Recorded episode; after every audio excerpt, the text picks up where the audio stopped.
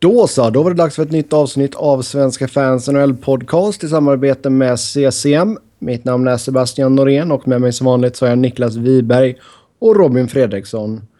Hur mår ni två så här helgen inför All Star-matchen och de andra grejerna?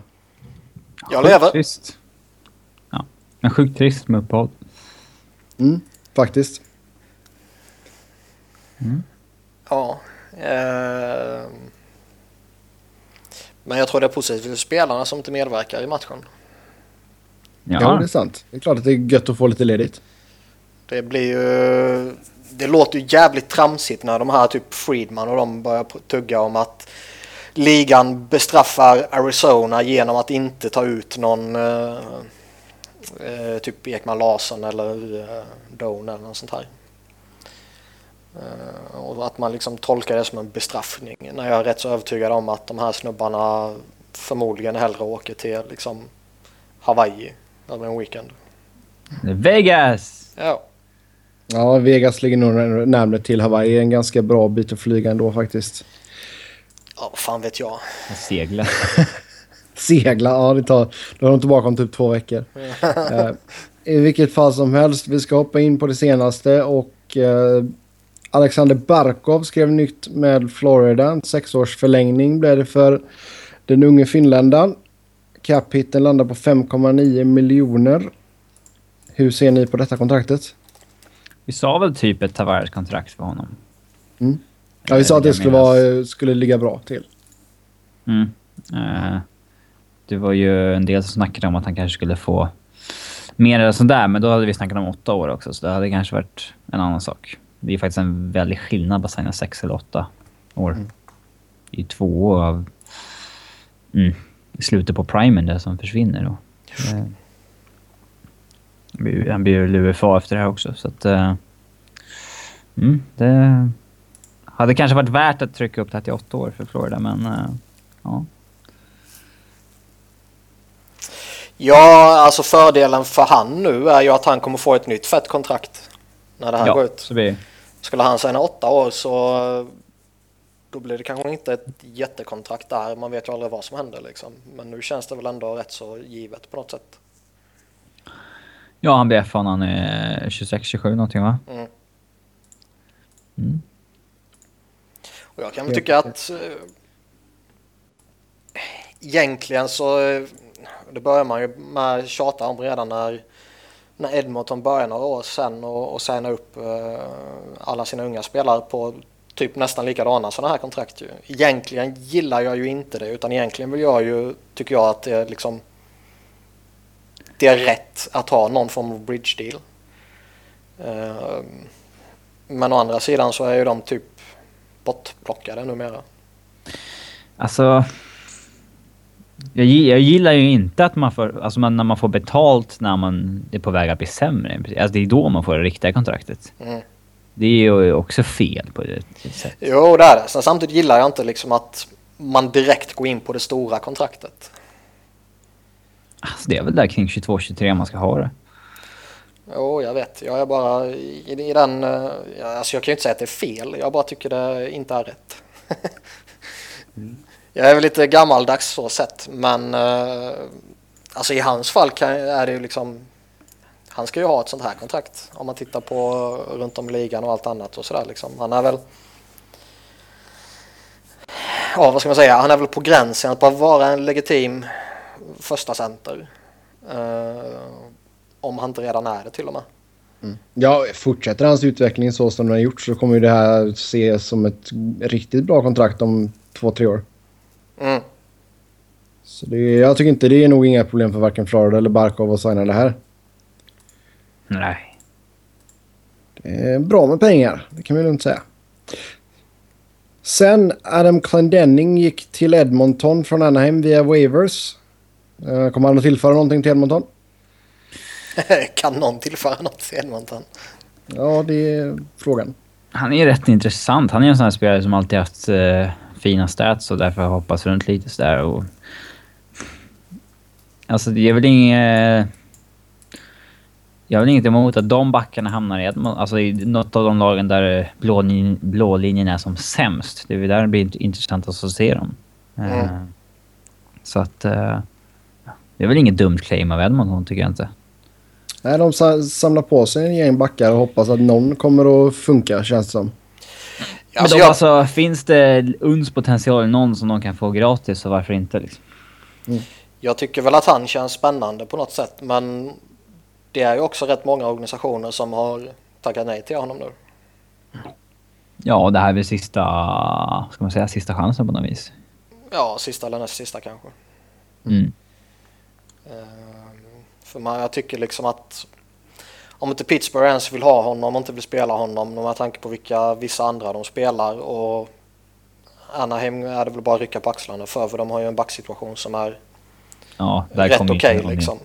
Men mm. eh, om inte Pittsburgh är redo att spela honom liksom när, när det ändå gick rätt skit för dem tidigare så. Mm. Undrar om eh, Mike Sullivan hade spelat honom? Ja, det är en bra fråga. Du får ringa och fråga. Någonting vi aldrig får, kommer få svar på. Mm. En annan spelare som är på waivers det är Raffi Torres. Mm. Ja, för fan om någon plockar upp honom. Ja, det blir... Hade Holmgren styrt Flyers så... Um... oh. Nej, jag hoppas ju verkligen att, det är, att alla har liksom sitt förnuft under kontroll och inte lägga in ett claim på honom. Och då menar jag inte bara Flyers utan då menar jag verkligen alla lag i ligan. Chicago mm. gör. ja, herregud. Ja, sätt han bredvid Hosse i omklädningsrummet. nej, nej. ja, han har ju klippt någon i varje lag. Ja, det... ja exakt. Det är... Mm, det är nog en kille som har ganska många fiender i ganska många klubbar faktiskt. Men jag liksom... Alltså skulle det här varit för några år sedan så skulle jag väl mycket väl kunna se något lag liksom plocka honom kanske. Alltså Arizona nu, nu, skulle kunna göra det. De är kanske det enda. Ja, de men... har ju en viss historik med honom där han ändå var framgångsrik där. Och, eh...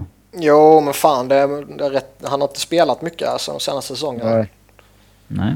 Nej, hur gick det för han i AHL? Tre matcher, noll poäng. Ja. Så det är liksom, nej jag, för några år sedan skulle jag mycket väl kunna se något lag ta honom. Men nu idag när han inte har spelat någonting knappt på jättemånga säsonger och Två miljoner. Två miljoner, det är liksom rätt mycket faktiskt. För en det... spelare som du kanske inte får ut ett skit av. Mm. Alltså, det finns bättre spelare på Free Agency och på waivers oftast. Liksom. Det mm. Mm. borde finnas bättre i alla fall. Jag har inte sett honom på ett tag, men... Mm. Nej, exakt. Nej, jag kan inte säga att jag har tittat på de Barracuda-matcherna han lirade. uh, för övrigt så var ju Conor McDavid i stan. Coolt. Det har varit ja. så skönt när han har varit skadad. Man sluppit all jävla hype kring honom. Det blev stora nyheter här i Bakersfield. Ja. har inte han varit uh, skadad mycket längre än väntat? Eller vad som sades först? Nej, han är väl head schedule till och med tror jag. Jag för mig de sa eh, efter... Två månader? Inte det gått två månader? Nej, jag för mig de sa eh, någon gång efter All-Star-uppehållet. Mm. Huh. Så han har varit här nu nere i Bakersfield och tränat med laget så han ska komma i form. Så får vi se hur det går för honom när han kommer tillbaka. Winnipeg sägs ha brutit förhandlingarna med Andrew Led och ska nu lägga full fokus på Dustin Bufflin. Är det, är det rätt att välja Bufflin före Led? Vi trodde ju att de skulle göra tvärtom. Bufflin är ju den lite mera... Ah, vilda av de två trygga kaptenen som de vet vad de får av. Liksom. Eh, mm. Eh, skulle jag välja att signa en av dem skulle jag definitivt ta Bufflin. Han eh, har en extrem högsta nivå som eh, få kan matcha i ligan faktiskt. Och eh, eh Lads rykte fortfarande så jävla bra så att de kan nog få något riktigt vasst för honom i utbyte och han är 30 bast, spelat rätt fysiskt spel. Alltså det där... Han gör ju han, sin sämsta säsong nu också på Ja, evigheter. alltså varningsklockan har redan mm. börjat ringa liksom på honom. Eh, det är ju... De smarta organisationerna dumpar de spelarna i det här läget liksom. Eh, framförallt när de står vid eh, förlänga långtid eller skeppa. Eh, då, Men då, kan man ju, då kan man ju skeppa båda. Alltså, de Alltså, vill eh, väl ha kvar bägge, men... eh, Jag är ju rätt så övertygad om att det bästa för organisationens framtid, både ur ett kortare och ett längre perspektiv, är ju att skeppa båda. inte kortare perspektiv. Eh, ja, det beror på hur, du menar, hur man definierar kortare. Jag menar kortare kan ju vara tre år liksom. Och Ja, kort, om kort det- är om väl allt mellan 1 till 3. Ja, typ liksom. I- För att nå slutspel i år så är det ju dåligt givetvis. Men för att bygga mot att liksom... Alltså deras De- prospectbank är ju fantastisk. De, det är ju inte så att de är jättebehov av att få in... Nej, nej, nej. Men jag menar... Jag har ju svårt att se att Winnipeg de kommande två, kanske tre säsongerna kommer göra någon nytta liksom. Och då menar jag gå, lång, gå, lång, gå långt i ett slutspel och verkligen utmana liksom. Det är det, det, är det jag menar. Jag vet fan, men... Eh, Jag, jag ser inte dem som en contender inom kort ju. Kanske inte... Ja, jag, jag vet inte. Nej, jag vet inte. Det, det är jag rätt så övertygad om. Och eh, rent krasst, signar du upp Andrew Ladd så kanske du får två eller tre eller fyra bra år av honom. Om du har flytt. Och du får förmodligen signa honom på ett sexårskontrakt minst. Mm. Eh, sen upp Big Buff kan du få allt ifrån en monstersäsong till sju monstersäsonger. Och jag tror väl någonstans ändå att eh, när, vi, när vi går tillbaka till deras prospectbank då som är jättestark och om man istället väljer att ur ett eh, kortare perspektiv och med kortare perspektiv i det här fallet då så menar jag kanske två, tre, fyra säsonger. Och i ett längre perspektiv om man pratar upp mot eh, 6, 7, 8 år vad en sån här lång kontraktsförlängning skulle sträcka sig över. Så om man då istället väljer att ta fokus mot sin prospects pool och bygga upp den istället och så liksom okej nu, nu satsar vi på den istället för att satsa på Ladd och Big Buff och eh, Enström och så vidare. Så tror jag ju att de skulle tjäna mer på att släppa de här två för båda två skulle ge ett sånt jättebra utbyte. Mm. Ja, alltså det är klart det finns ju långsiktiga fördelar med att skeppa spelare som är 30 år liksom. Men eh, skulle man behålla en av dem skulle jag ha valt Big Buff. Eh, och jag skulle nog våga signa honom på ett eh, fett kontrakt om jag var Winnipeg faktiskt. Eh, jag brukar rösta för att skeppa i de här lägena men Bufflen är fan enormt jävla bra. Det, Din, Han är ju- kärlek till Big Buff är för stor helt enkelt. Ja, men han är ju rätt så unik i ligan ju, det är han ju. Jo, det är han.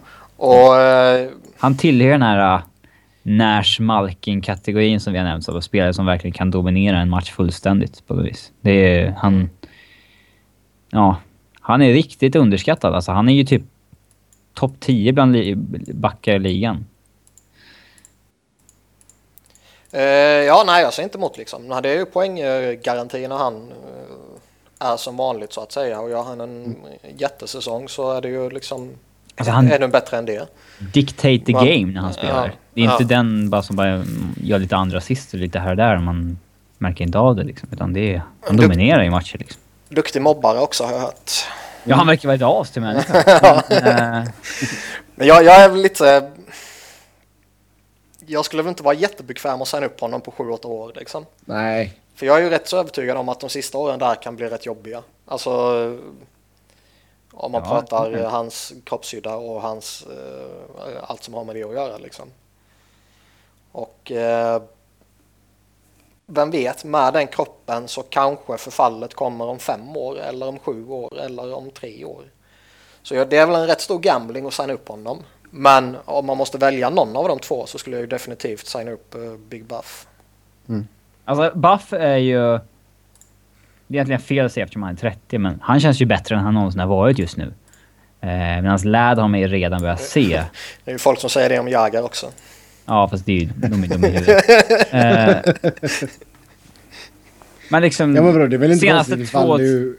Det är ju inte konstigt ifall du som 30-åring kanske har din bästa säsong i och för sig. Ja, det är väl ganska ovanligt i alla fall. Men, Jo, eh, men jag tänker med senaste- tanke på att han... Ja, fortsätt. Sen han flyttade ner som back permanent och har varit kvar där så har han ju... Den perioden han tycker han kanske... Alltså de senaste tre åren eh, har ju kanske varit hans bättre i, i ligan liksom. Eh, mm. Kanske. Jag vet inte. Men... Eh, han känns, känns fortfarande som han är på någon sorts peak. Eh, man har inte börjat se någon form av decline överhuvudtaget. Eh, Lad är ju... Ja. Jag tycker att man ser någonting. Sen kan ju det ha att göra med, det börjar pratas lite om att ja, men han kanske inte är återställd efter lite eh, skadeproblem och sådana där ja, saker. Ja, men liksom. har ju en men... 30-årig winger som har spelat en fysisk hockey hela karriären som börjar se dassig ut så mm. ja. Nej, nej, jag tänkte säga det. Det är kanske inte så konstigt att han inte återhämtat sig efter de där skadeproblemen då. Hör man inte de varningsklockorna på honom så eh, då är man inte tillräckligt bright tycker jag. Mm. Ding uh, dong, ding dong. Men alltså, ju... Chevel i Winnipeg har ju också ett ansvar att... Uh, det är nog ganska svårt att gå upp till en ägare och säga att ah, men nu skeppar vi både Läd och Bufflin och liksom ger upp de närmsta två, tre åren. Alltså det beror lite på vad man skulle få i utbyte också. Det ju, spelar ju självklart en stor roll in. Alltså kan du få någonting som är kanske inte exakt på samma nivå som de här två är just nu. Men om du får en spelare som är avsevärt yngre och ändå har potentialen. Så tror jag det går att sälja in. Alltså jag vet inte, det kan vara, det kan vara svårt för liksom Jets nu är väl...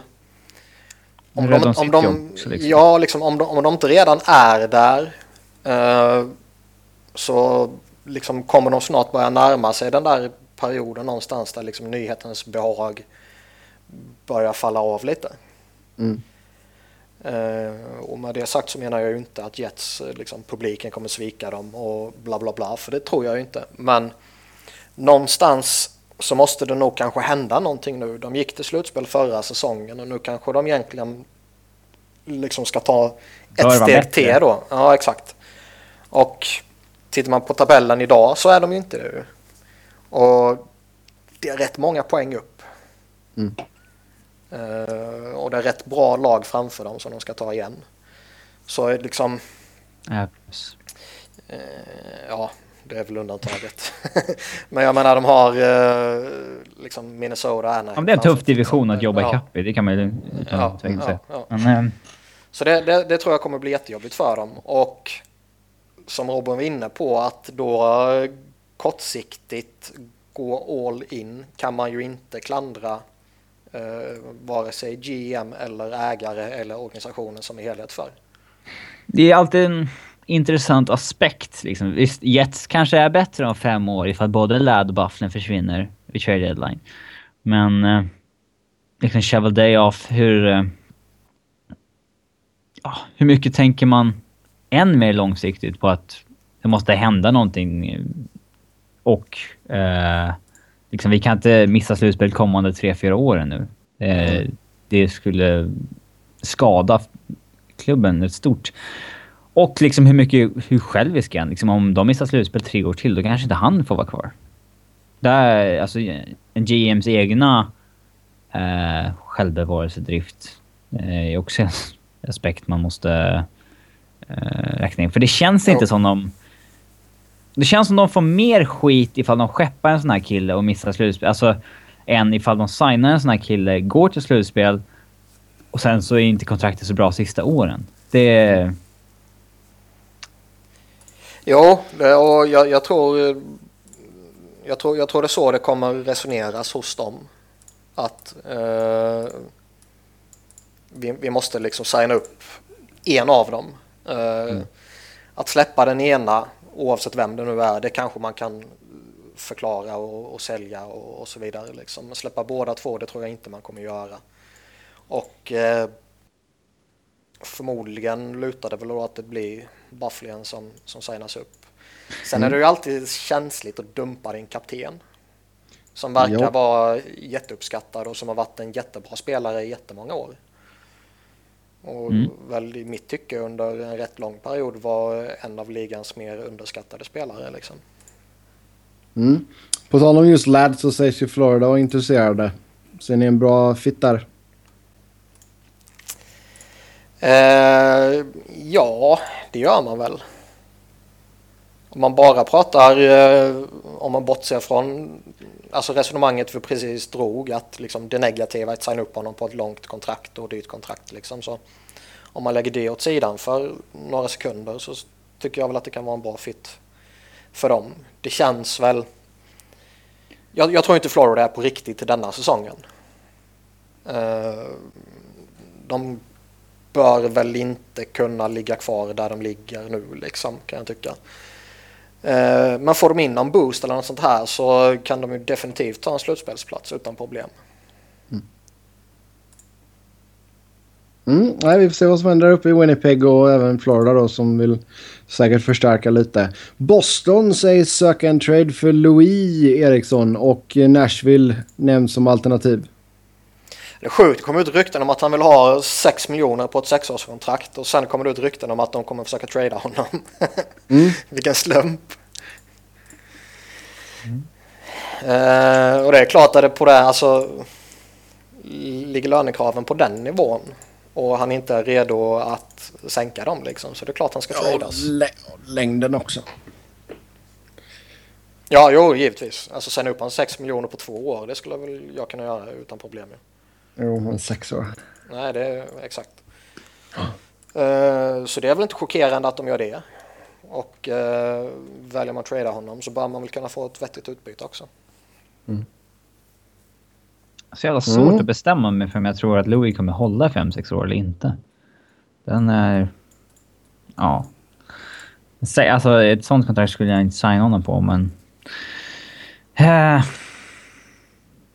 Ja. Svår situation. Ja, men alltså vad skulle ni betala för honom? Fyra gånger fyra kanske? Fem eh, gånger fyra skulle man kanske också säga. Alltså fem miljoner på fyra år kanske. Ja, jag tänkte säga det. Det är nog något sånt där. Han...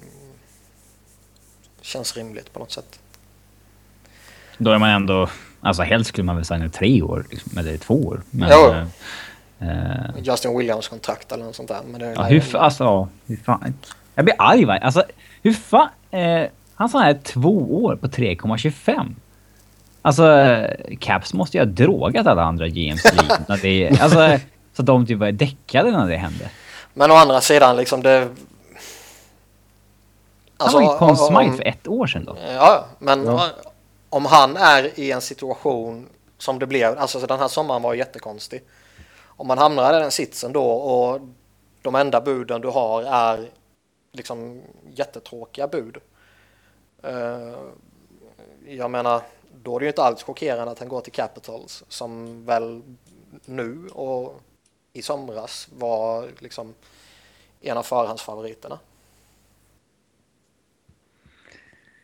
Alltså jag, jag, går ju hellre till Washington på ett lite billigare tvåårskontrakt än jag kanske signar i liksom... Flyers. Ja, typ. Nej men liksom Flyers eller uh, vad, vad, ska man säga, Boston eller liksom San Jose eller något sånt där för ett lite bättre betalt tre eller fyra årskontrakt. Mm. Jo. Ja. Sen eh, Pittsburgh sägs vara intresserad av Dan Hamuse. Ja, se om han är intresserad av dem. Han uh, nobbade dem ju för några år sedan när uh, Flyers först plockade in hans rättigheter från Nashville och han vill inte signa där. Så skickade de rättigheterna vidare till Pittsburgh och han vill inte signa där och sen hamnade han i Vancouver. Inte det var... Uh, Stökig pojk sjukt eh, olikt Holmgren att skeppa rättigheterna till Pittsburgh att han hamnar där. jo, jättekonstigt.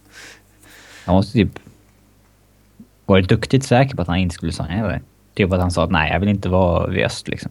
Eller något. Ja, alltså... Fast det, det, var ju så, det snacket gick ju redan när, när Flyers tradade för honom. Att han liksom ville typ hem eller vad det nu var. Mm. Uh, det konstigt ja, man tog väl en chansning. Det, jag kommer inte ihåg vad man gav upp men det var liksom sjätte val eller något sånt där och det är ju ingenting. Uh, men jag kan väl se, alltså de behöver ju backar och ur ett kortsiktigt perspektiv tror jag väl han kan vara ett bra alternativ. Om han är okej okay efter sin skada nu. Jo. Hur, hur bra är han? Alltså man ser ju väldigt lite Vancouver nu för tiden när de är så jävla dåliga. uh, du sitter inte och uh, punktmarkerar Vancouver alltså? Nej, de är väl ett av lagen som prioriteras bort lite nu för tiden. Ja. Uh, liksom... Ja, hur vass är han? Är han fortfarande en legitim... Han var väl en första back en gång i tiden, men... Uh, är han tillräckligt bra för att liksom lira Alltså, en 25 för- minuter per natt i en contender? En första back tror jag inte man ser honom som nu. Den Nej, tiden- det är klart han inte är. Nej, men är han fortfarande back för ett första par? Skulle, skulle han vara det i Pittsburgh då? Nja, Han skulle väl lira med Christopher Latang, eller? Ja, skulle han inte lira Mäta och Letang? De har... Har inte de inte funkat så superbra ihop, eller? Jag har för mig det, men... eh, Ja, jag har fan blivit tvärtom. ja, men alltså, jag har för mig att jag läste på Twitter av Pittsburgh-fans jag följer. Men det kanske var, bara gällde någon enstaka match. inte. Pittsburgh-fans ska man inte ta på allvar. Vi kan kolla deras course helt enkelt. Ja. Ja, gå in och Eh. gör det lite snabbt. Men jag, Nej. jag skulle ju liksom spontant skulle jag inte se några problem för Penguins att ta in honom. Uh, givetvis beroende på pris och så vidare. Letang utan Mäte är 49,3. Mäte utan Letang är 48. Mm. Tillsammans är de 54,6. Det är ju jätteeffekt ihop. Eh, Då hade jag rätt igen. Ja, bra, då slår vi fast det där. Mät eller Tang, bra. Så, grattis. Uh, Anaheim, det här förvånar mig lite. Eh, kan faktiskt överväga att släppa en av duon Sami Vatanen och Hampus Lindholm. Fast det är väl inte alls överraskande.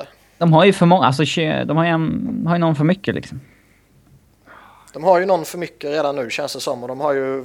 Köttig då på Ja, exakt. jätteuppgång liksom. Ja. Han är Och jag menar, ligger de där de li- Alltså vi pratade om det här tidigare på säsongen. Ligger de där de ligger så är det ju rätt så uppenbart att de, om det inte händer någonting så småningom, kommer gå efter offensiva förstärkningar.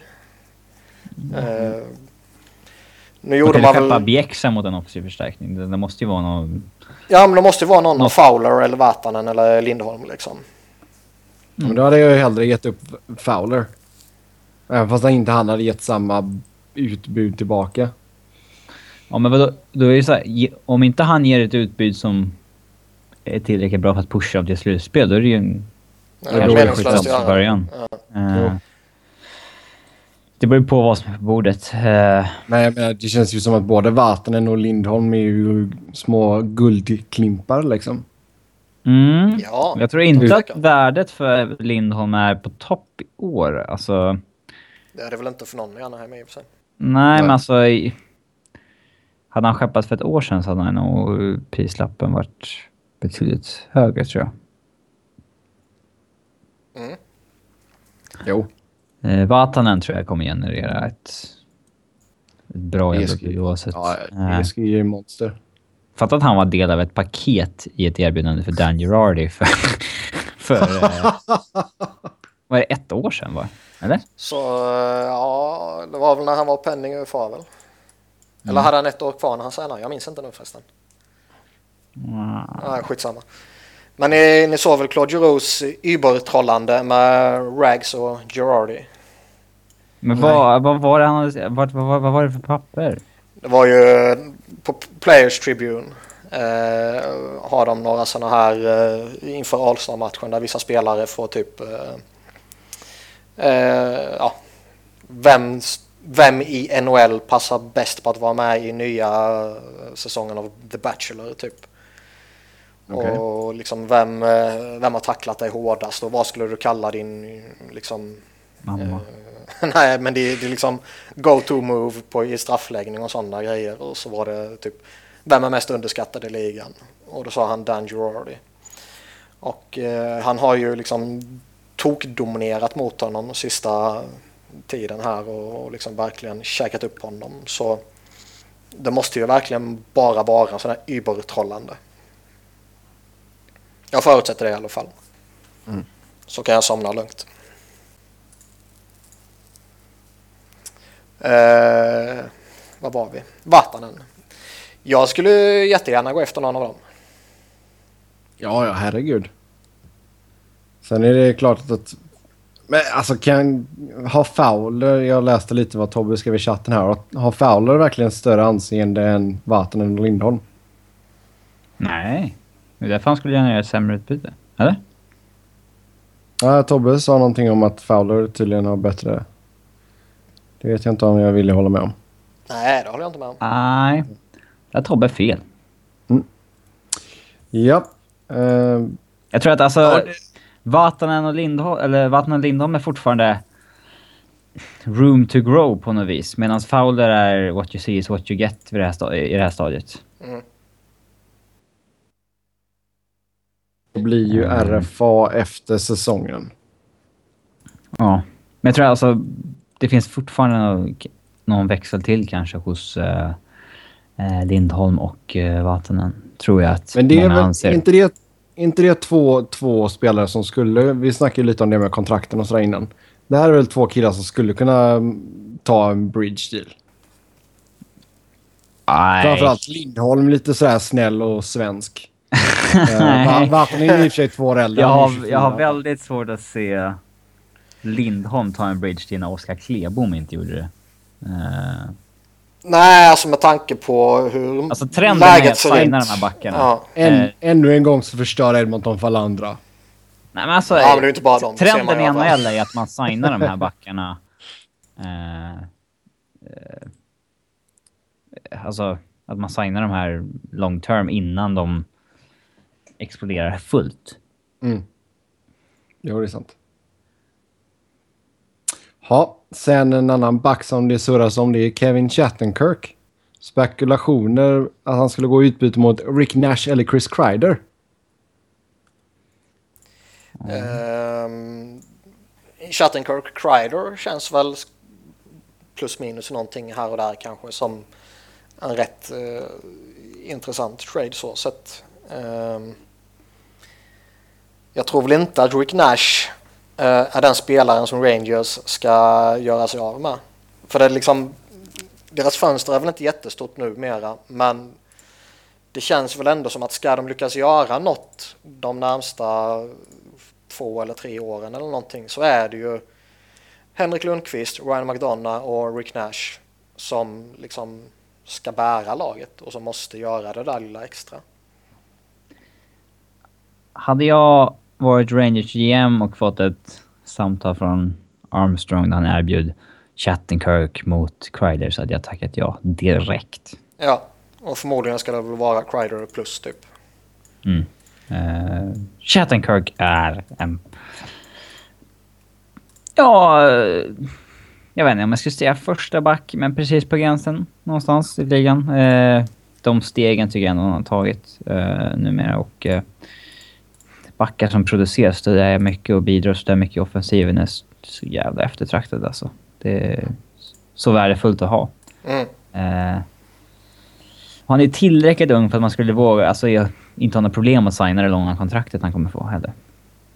Men då Nej. blir det Chatten, Chattenkirk in och uh, Jandel ut då. Ja, skickar Jandel mot eh, en annan Kreider. forward, typ. Ja, Lite jävla mot Kreider. Som man kunde göra på typ gamla NHL-spel. När man... Eh, ja. Hittade vägar att vinna trades, så att säga. Ja, de gamla, alltså speciellt de andra, alltså om vi snackar början av 90-talet där. Ja, när man var... Alltså, när man tog, det på... mig, då, då tog det mig ungefär så här 10 trades att få en vettig målvakt i Kings. Då hade ju Kelly Rudy i början, han var ju typ mid 50 tror jag. Alltså han var riktigt dålig. Men så kunde man inte trada för många snäpp upp så du fick ju trada mot en 56 målvakt, sen en 58 sen, och så, sådär. Så det slutade med att hela ligan hade olika målvakter när jag var klar. Ja, alltså, Ehm. när man upptäckte att man kunde byta, byta till sig alla som var bara ett snäpp högre sådär hela tiden, då kunde man ju till slut bara göra ett All-star-lag av hela skiten. Ja, ja visst. Eh, Och så det var en fråga i chatten också att det här är inget rykte utan det är spekulationer. Det är två helt olika saker. Ett rykte är någonting som kommer att han har hört det här. En spekulation är när någon säger att det här kanske skulle vara lämpligt. Mm. Och det här var någon eh, New York-journalist som skrev någonting om att Djurman eller? Nej, det var inte Bjurman och det var inte eh, Brooksy. Eh, Det var någon annan. som skrev att eh, Kevin Shattenkirk är på marknaden. Han skulle vara bra för Rangers. Det kanske kostar Nash eller, eller, eh, eller Kreider. Mm. Så rykten och spekulationer är inte samma sak. Nej, det är därför vi säger rykten och spekulationer som två olika ord i början där också. Ja. Yevgeni Dadonov sägs komma till NHL nästa säsong. Uh, Carolina äger rättigheterna just nu men han blir UFA första juli. Uh, Dadonov, jag kollade lite highlights på honom förut faktiskt när jag uh, väntar på er andra. Så jäkla bra med pucken då för sig och bra speed också. Ja, han var ju han var en av de här hyperintressanta ryssarna i VM också. Eh, som han väljer att ta klivet över så känns det som, om han gör det då som UFA, att han kommer bli jätteeftertraktad. 26 bast också liksom, så det är inte någon sån här eh, gamling som kommer över på och ska göra en eller två säsonger bara liksom. Nej. Så det känns ju, ja, det kan nog bli huggsexa om honom. Han är väl inte riktigt på Panarins nivå. Nej, och det kommer ju inte vara den hypen kring honom. Eh, men jag tror mycket väl att han kan bli eh, jävligt eftertraktad. Sen går det lite rykten också om att Vadim Chipachov, Chipachov, med viss reservation för hans uttal. Ja. Som också var en av de här ryssarna som härjade i VM liksom och, och som var hypad där med Panarin och hela det gänget liksom. Att, att han kanske kan vara aktuell för att komma över också. Mm.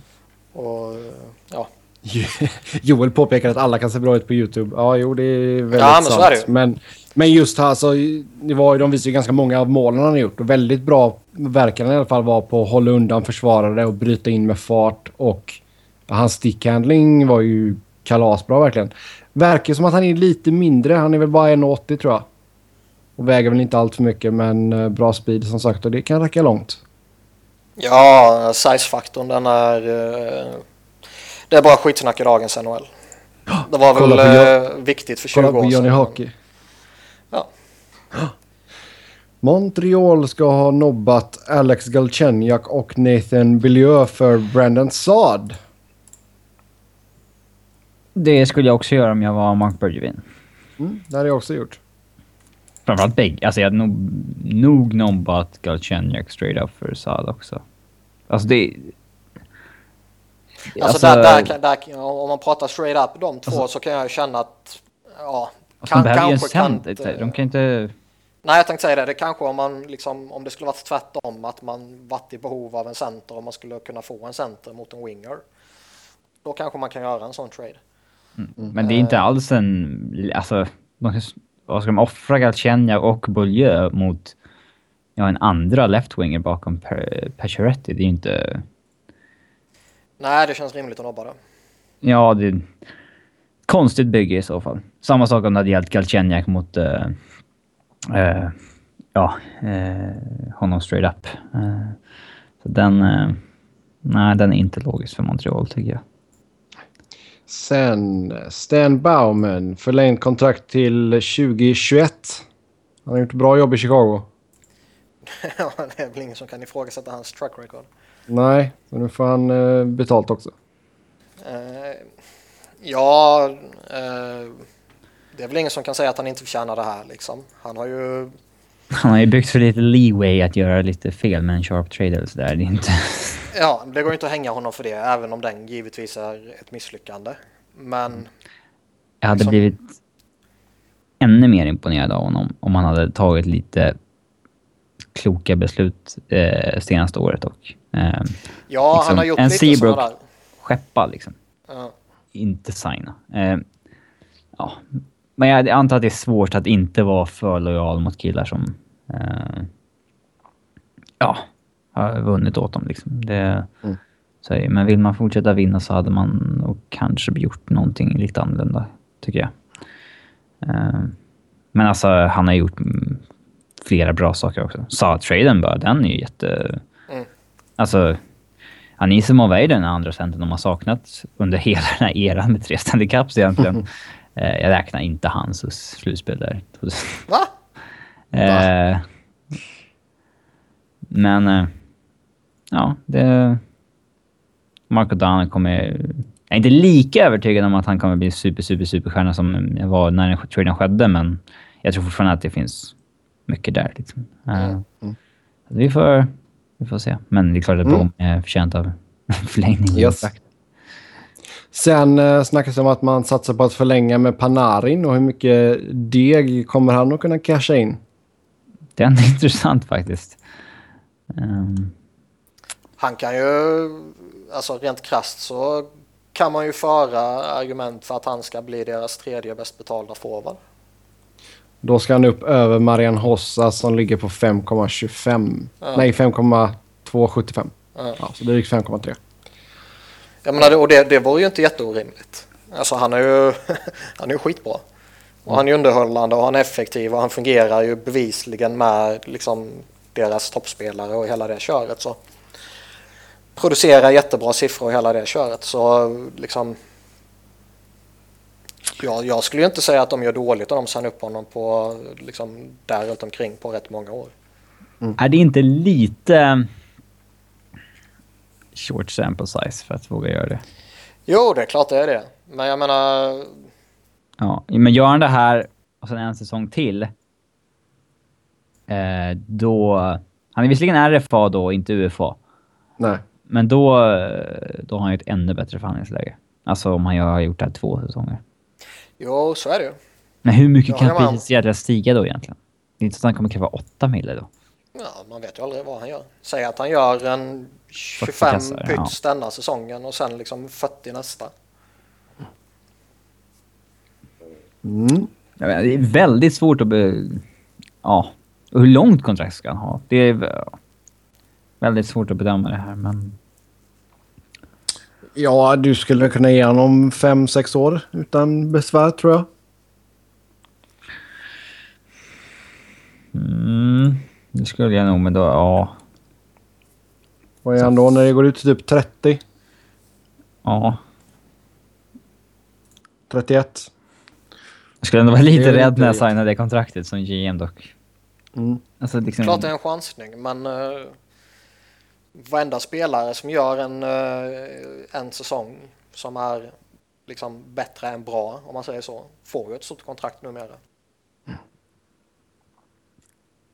Ja, och sen ser man den potentialen att han kommer fortsätta utvecklas och bli ännu bättre så är det väl bättre att uh, lock him down nu än att vänta till nästa sommar. Ja, jag, jag tror han kommer signas upp. Eh, han sa ju det, Bowman, att eh, Patrick Kane skulle ju bli arg om vi inte skulle göra det. Och eh, vem vet hur Patrick Kane reagerar när han blir arg. Ja du, det, det vet en taxichaufför. Mm. Sen har vi ett quote från Erik Karlsson eh, som snackar om Ottawa. Och han säger att... Ska jag översätta eller ska jag köra det på engelska förresten? Ehm, Jag tror alla förstår den engelska frasen. Ah, Okej, ja, men det är bra. Då kör vi det. Uh, we're a budget team. We don't have the players here that most high skill teams do. We're successful when we play a grinding game. Vad tycker vi om det uttalandet? Ja, alltså, Kastar han, han sina lagkamrater under bussen? Alltså på ett sätt kan man väl säga att han gör det, men jag tycker ju inte att... eh, Jag tycker att det är att vrida sanningen till, ut efter sina egna liksom... Mm. Skämmes Sebbe. Ja. Eh, Ja, men jag försöker bara spela djävulens advokat här. Men eh, alltså, han har ju det kan rätt också i det vara han att säger. skicka, alltså, det kan också vara för att skicka någon signal uppåt. Att, Att han vill ha mer att- skill players. ja men alltså, vi är ett budgetlag, vi kan inte vara ett... Ja, Men å andra sidan, är, liksom, är du ett budgetlag så är det ju förmodligen ett budgetlag av en anledning. Mm, men om en stjärna är i, ut och- Jo, men i Ottawa är det ju jättevälkänt att Melnick inte är rik liksom. Han har ju, han har ju haft problem liksom. Alltså ägaren då, Melnick. Eh, den som visste det. Ja. Så han kan betala Karlssons lön. Ja, exakt. Så jag menar, det, det är ju inte bara att gå och kräva på honom, till honom att liksom, fan skaka fram pengar nu liksom. Uh, alltså det, det liksom, det, det, ja. Ställer man sådana krav så har man väl inte riktigt koll på eh, hur läget ser ut. Eh, Borde man införa krav på hur rika ägarna måste vara? Ja, nej, alltså det är väl svårt. Jag menar, du, du, Du måste vara värd minst så här mycket. Ja, och så är du det när du för, för laget. två år sedan och sen så helt plötsligt så har du lite Går något oflyt projekt åt helvete Ja. som man har vid sidan så... Ja, Ja, exakt. så det, det låter lite långsökt. Men eh, jag tror väl kanske mer att det handlar om att på något sätt skicka signaler mot laget i så fall. Inte uppåt i hierarkin utan till, till spelarna liksom att vi måste spela på det här sättet. Mm. För han har ju rätt i det han säger att de har inte den eh, eh, den extrema skickligheten utöver han själv då liksom. Eh, som de andra, ja, de bättre lagen har liksom. Så jag tror väl snarare att det handlar om att eh, skicka signaler till truppen i så fall. Mm. Och jag ser inget fel i att säga det, för det är ju sant. Ja. Mm, vi får se. Förhoppningsvis så kommer gruppen ihop och så gör de det lite bättre. Joe Thornton blev 33 spelaren att nå 1300 poäng. Hur skulle vi summera hans karriär? Finns det andra aktiva spelare som har liknande karriär slash rykte? Alltså tittar man på... Antingen på hela 2000-talet eller bara liksom senaste 10 åren från att han gick till Sharks till nu så... Mm. Om vi bara tar Sharks-tiden till exempel så då är han ju... Den eran så är han väl... Andra eller tredje bästa centern i ligan kanske. Crosby etta, sen är det frågan om Malkin eller Thornton är tvåa mellan åren 15, 05, 06 till... Han är ju tveklöst den bästa pla, blä, blä, blä, Pla, playmakern. Powerplaymakern. Ja, jag visste inte vad jag skulle säga. Men han, jag, jag tycker han är den bästa playmakern under den perioden. Mm. Och det är bara att titta på hans eh, assist liksom. Och han fick ju Jonathan Chichichu, eller vad var det han heter Robin? Ja, Chicho. Eh, han heter Chicho, jag sa Chichiku. Chichico var det. Men det är, alltså, det är inte jätteabsurt att råka säga att du är Chichiku. Alltså, Jo. Chicho. Det är ett chi för mycket. Det, Ja. Och visst, det var i Mac vs Fushinski där x antal tusen lyssnade live, men ändå. Ja, Det är lite jobbigt. Han var bara fuck up. Men eh, alltså det... Jag har slängt skit på honom och alla har väl slängt skit på honom när det kommer till liksom vissa slutspelsprestationer och, och hela Ja. den biten. Och det tycker jag väl är befogat för någonstans så... Alltså Sharks under i princip hela hans period har ju varit mm, alltså en sorts powerhouse liksom. De har ju dominerat sig fram genom grundserien och han har dominerat sig och han har lyft eh, Chishu till liksom oanade höjder och så vidare. Och, eh, någonstans så handlar ju allting och verkligen allting om att vinna.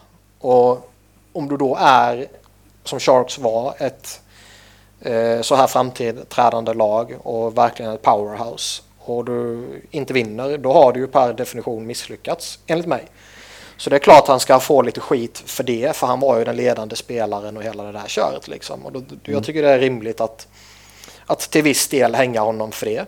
Sen är det klart att Bästa han slutspelet inte... var väl 10-11 där va? Om du, tittar och sitter, om du sitter och tittar på hans poäng, ja. Ja. Men, men liksom... Eh, han ska ju inte ha all skit för det. Han ska ju inte hängas för att laget kanske satt utan en riktig målvakt där eller hade problem på det sättet där och sådana grejer liksom.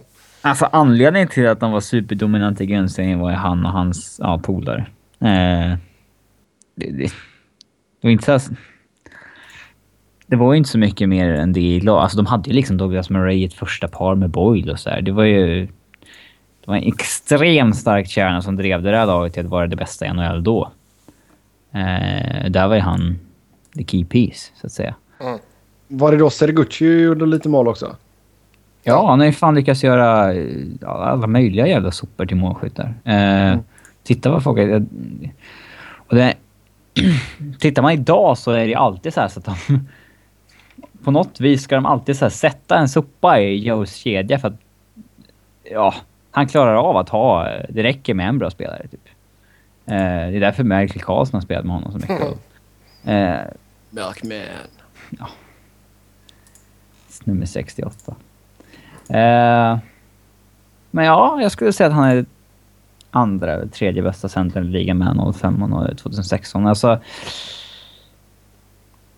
Ja, och det... Det som är... Fast han är, han är, inte, han är inte klatsch. Vad, vad är... Ja, jag vet vad det är. Retas med det lite bara. Nej, men självklart han har haft en jättebra karriär och får väl se vad som händer här. Det som är än mer imponerande med honom är ju att han... Hans skägg? Nej, inget sånt trams. att det ser absolut noll regression, eh, liksom nedgång i hans eh, siffror rent statistiskt. Det är eh, väldigt imponerande. Eh, I den åldern. Det är väldigt, väldigt få spelare som inte börjar... Eh, som man inte liksom ser att nej, nu börjar gubben bli gammal liksom. Men, Men alltså med, med, med tanke på vilken spelstil han har haft genom alla år och fortfarande har så har han ju liksom det är ju inte jättechockerande att han fortfarande håller en hög nivå. För han har ju aldrig varit beroende av typ snabbhet eller liksom eh, sådana grejer. Han har, han, han har ju bara ett jäkla bra hockey-IQ liksom. Ja, bra hockey-IQ. Han har han bra ändå använt en... Liksom... Han har ändå använt en jävligt stor kropp liksom. Alltså han, han spelar... Fast han har ju inte varit slitsam på det sättet Men han tar ju mycket stryk. Han skyddar ju puck med kropp hela tiden. Alltså det är... Han är en spelare som är... Alltså när man blandar hockey-IQ med size, då blir det ju en vansinnigt bra kombination. Eh, och där, alltså, ja, spelat om det ligger till handleder utav Guds kvalitet liksom, så är det ju eh, en dödlig kombination. Men... Eh, eh, ja, alltså han... Han är ju inte en ofysisk spelare på det viset. Nej, men jag menar han är ju inte powerforwarden liksom. Nej. Nej, det är han inte. Men uh, han har inte varit en Mark Savard heller liksom. Nej, nej. Mm. Det... Ja. Mm. Två andra spelare som är helt okej. Okay, det är Jonathan Taves och Alexander Ovechkin. En de, okay. De, de, de är okej. Okay. De skippar All-Star-matchen ja. på grund av skada och sjukdom. Eller är båda skadade? Uh, jag tror det var väl så att Ovechkin var väl skadad och Taves var sjukdom tror jag. Ja. eller, eller så var det tvärtom. ja. Nej, Ovechkin hade någonting med magen tror jag. Alltså magmuskel. Jag vet ja. Skitsamma. I vilket fall som helst, de kommer inte spela i Astra-matchen och på grund av detta, på grund av reglerna är som de är, så stängs de av i en match var. Ja. Mm. Rätt eller fel? Alltså det är väl... Alltså det är ju så här de gått tidigare så liksom... Det är väl alltså, vill de, vill de göra All-Star-matchen till en bra grej så är det väl bra att man inte får skippa den utan reprimand från ligan på något vis. Ja, men, men All-Star-matchen ska ju inte påverka den vanliga säsongen på det sättet kan jag tycka. Alltså, jag, tycker det är, jag tycker det är bullshit att de blir stängs av. Fast det beror på. Alltså, skulle han blivit skadad två matcher innan, alltså så han missade två matcher typ på Ovechkin liksom. Mm. Då kan man inte stänga av honom. Men nu spelade han ju sista matchen och, och det var först efter matchen typ som de sa att uh, nej men han är skadad. Uh, där, där kan jag vill jag... Men där får man, då får man ju vara taktisk där och så får man ju ta av honom med fem minuter kvar i matchen och säga oj nu blev han skadad. Ja men det vet ju du mycket väl att man inte gör. och, så där, där kan jag hålla med Robin om att ja, vill man på något sätt Alltså de, de, är ju konstiga. De vill ju bygga upp en status för Alston-matchen såklart. Och de vill ju ha eh, de bästa spelarna där. Men de gör ju så konstiga grejer också. Liksom, där de eh, här liksom celebrity coaches som de ska ha med som liksom bara eh, nonchalerar bort hela grejen liksom och bara gör det så jävla plastigt man bara kan göra. När det inte ens är riktiga celebrity coaches liksom. Det är några Exakt. idioter man aldrig ens har hört talas om liksom. Mm. Alltså, då... Jag menar nu, nu när det är sånt här... Nu när det blir sånt här jippo, de gör ju inte sig själva några tjänster. Och ska vi skippa All-Star all together med tanke på att det bara är ett jippo nu? Men det är väl så här de vill ha det. Det är därför de har gjort det till vad det är idag. Ja. Uh, så att... Uh, det. Man kan inte klandra spelarna för att de inte vill vara med heller. Jag hade fan inte velat vara med, även om jag fick chansen. Sätta Robin i kassen. Med en GoPro. bara Men en alltså GoPro. Jag, bara en GoPro, exakt. Ja, naken efter det. ja. Nej men alltså jag, jag förstår att det inte, ifall inte spelarna är sugna på detta. Det är klart man hellre vill ha Med tanke på hur, hur det sliter på kroppen. Det är klart att de hellre vill ligga hemma i fyra dagar eller någonting. Ja men det är ett jätte... Alltså, inte så att All-Star-matchen sliter på kroppen, men det är ju... Nej, men du ska ändå så resa dit och du ska göra massa Ja, alltså, intervjuer. det och kan vara, mycket, det kan vara väldigt värt att få den här veckans vila. Ja. Ja. Alltså 82 matcher i en, en säsong, det är en, det är en fruktansvärt lång säsong. Det är ju, Kroppen är nog rätt mm, beaten up efter Mm. 50 matcher. En veckas vila då, det kan vara crucial för resten av säsongen. Det är, så att... Eh, alltså jag... Jag hade också vägrat vara med och hitta på att jag är skadad om jag... Och, eh, ja. Mm. Men Jag kan också förstå att NHL stänger av de som inte vill vara med, för det... Det är ändå deras liga, det är deras All-Star-match. Det är, de vill ju, vill ju att spelarna ska vara med och om de inte vill vara med så... Ja. Ja. Ja, ja. Nu är det som det är i alla fall. En match avstängning var för de två. Nu kan Emil spetsa öronen för nu ska vi snacka Carolina lite. Ehm, man ligger inte allt för långt bort eh, här nu. Man är en, en pinne från ett wildcard. Ska vi ta deras eh, jakt på slutspelet på allvar? Nej. Alltså... Utveck utveckla lite. Vi får ge Emil detta. Han, han förtjänar det. De är Keynes. Ja. Nej, men... eh, de är lite eh, en dark horse på det viset. Att de, för ingen tar dem på allvar. Eh, men... Ja, nej, det är väl det som eventuellt kan tala för dem. Men annars tycker jag ju rakt igenom att liksom, de har två målvakter där du inte kan förlita dig på någon. Liksom. De har, visst, de har många unga lovande backar, men de har bara Justin Folk som är liksom, Färdig. ja. Och forwardsbesättningen har de liksom, ja, det är ju inte jättemånga sexiga grejer där liksom. Så visst får du ihop alla pusselbitar och allting funkar så kan ju ett kollektiv ta dig rätt långt liksom.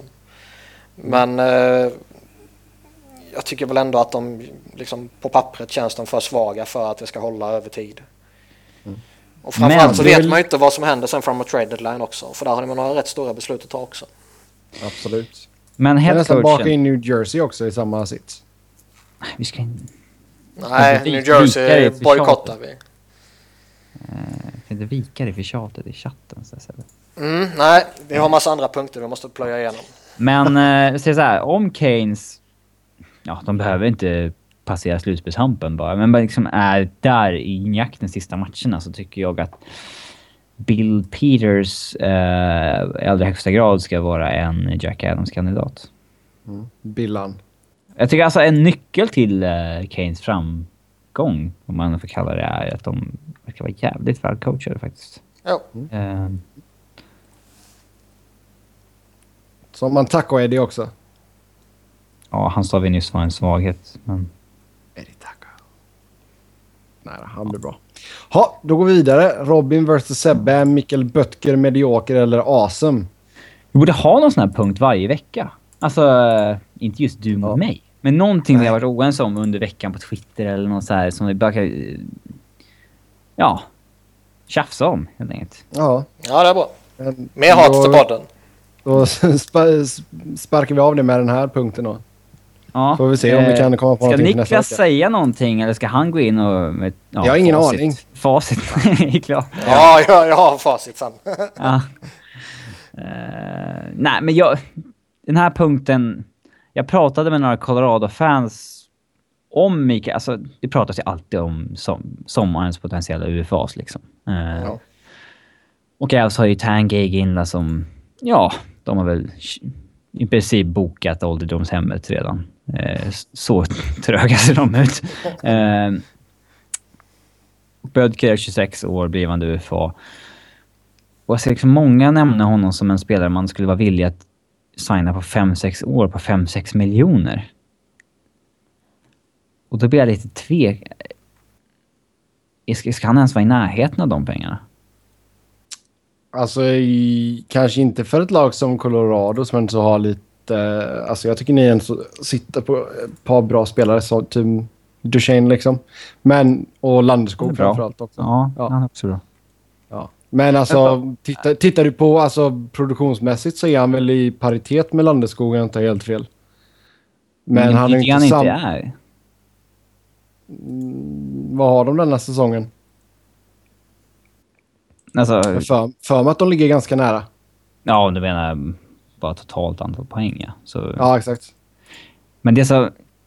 Alltså, Men alltså, jag kan, ju, jag kan ju se att det kan vara värt för Arizona att lägga fem gånger fem på... ja, på hittar de en spelare som vill vara kvar där så är det bara att pröjsa. Men alltså... Eh, Bödker är väl... Men alltså, hade jag varit ett lag på öppna marknaden så hade jag väl inte velat ge honom Det är ju inte gånger sex. contender, contender som ger Bödker fem mille. Då är man ju... Ja, då har... Alltså han har inte, grejen är han har ju inte bevisat ännu tillräckligt mycket. Han, var ju, han hade ju en jäkligt bra säsong innan han blev skadad. Eh, där med mjälten eller vad det nu var som sprack. Är Men han har, ju inte kommit över, han har ju inte kommit över 20 mål än. Han har gjort det i SM-liga. Nej, men han har aldrig gjort 20 mål i karriär. Eller någon säsong. Eh, och, eh, jag, jag har svårt att se någon form av... Eh, dyker man ner i hans karriärsiffror säsong för säsong och så... Jag har oerhört svårt att hitta någonting som tyder på att han skulle vara en... Eh, eh, liksom, en spelare som skulle ta nästa kliv i en annan organisation. Killen...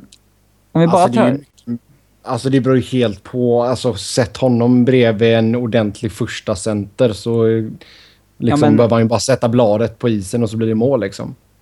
Men det är ju det som Eh. inte är... Eh, alltså han är ju the man i Arizona. Han har spelat 227 minuter powerplay i år. Den forwarden han som har har ju spelat spelat... med, med Oliver. Ja, alltså den forwarden som har spelat näst mest powerplay i ligan är Ovechkin. Han har spelat 35 minuter mindre än Bödker. Mm. Alltså Bödker är ju the man i Arizona och han har gjort två mål i powerplay.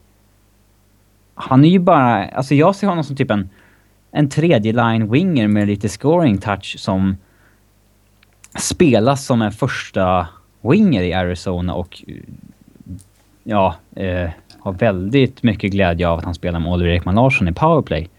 Mm. Ja, och sen om, om man ska gå... Alltså, 5 mot 5 producerar han väldigt dåligt och... Eh, om, man, om man bara tittar senaste fyra säsongerna i ligan så kollar man han... För han är mer, han är ju mer av en målskytt än en framspelare såklart. Så tittar man senaste fyra säsongerna i ligan, goals per 60. Där tycker man ändå att ja, men han ska ju vara en sniper. Det var liksom, det kan han dela Nej, han är, han är ju ingen sniper. Det är, han ska han, vara är en målskytt. han är en brunkare. Skulle Mikael Bödker vara en brunkare? Han är en brunkare. Han, Nej, inte mycket till fysiskt spel. han har... Det han har Han är är, att han, är, soft, han, har bra, han, har bra, han har bra speed, han är hyfsat bra på att hålla puck. Hans mål, kom, det är ju inga snipermål han gör liksom. Eh, däremot så tror jag visst, han kan nog landa. Alltså får han spela med rätt spelare. Och vi får se vad som kommer upp här i Arizona. Han kan säkert komma upp till 20 mål och ligga där ett par år liksom. Men Eh, det... Han det kommer ju gå ner liksom i istid. Han kommer ju inte vara den forwarden som spelar överlägset mest i powerplay i ligan längre. eh, Nej. Är han inte lite eh, i ett enkelt resonemang någon form av Louis Eriksson light? Han har ju usla possession-siffror. Alltså rent defensivt så, och så här. eh, och det är ju eh, någon form av... Visst, alla kanske inte tar det på så stor allvar, men ska man vara en av Arizonas bästa spelare så tycker jag ändå att det är... Jag ser hellre att han har siffror som säger att de skjuter mer och släpper till mindre när han är på isen än tvärtom. Eh, över fyra års tid, det är ändå en ganska stor period. Eh, eh, att, eh, ja, man ser inte Arizona tillräckligt mycket för att liksom detaljstudera Bödkers defensiv. Det gör man ju inte. Eh, Nej. verkligen inte. Eh, så där... Ja, går man enbart på siffrorna så är han ju kass på det. Men jag vet inte. Eh, men alltså, eh, om vi säger typ Jamie McGinn eller... Eh, säg någon tredje line winger målskytt i ligan som alla känner till. Som är... Jag har ju hellre Böttger än McGinn. Men Om McGinn spelar mest PP av alla i hela ligan. Med Oliver Ekman Larsson. Alltså rätt överlägset liksom. En 35 minuter mer än Ovechkin. Tror inte han kommer upp i 20 mål då bredvid Oliver Ekman Larsson? Det är något som Böttger inte har gjort. Nej, Nej men alltså jag... Så, ja, så han lär väl komma upp till 20 den här säsongen. Det skulle förvåna mig ifall han inte gör det. Ja, det bör han väl. Ja. Men alltså... Men som ja. sagt, alltså, du får ju titta på lagsituationen där. Och där i Arizona så är han värd 5 gånger 5 Sen kanske han borde spelas mer.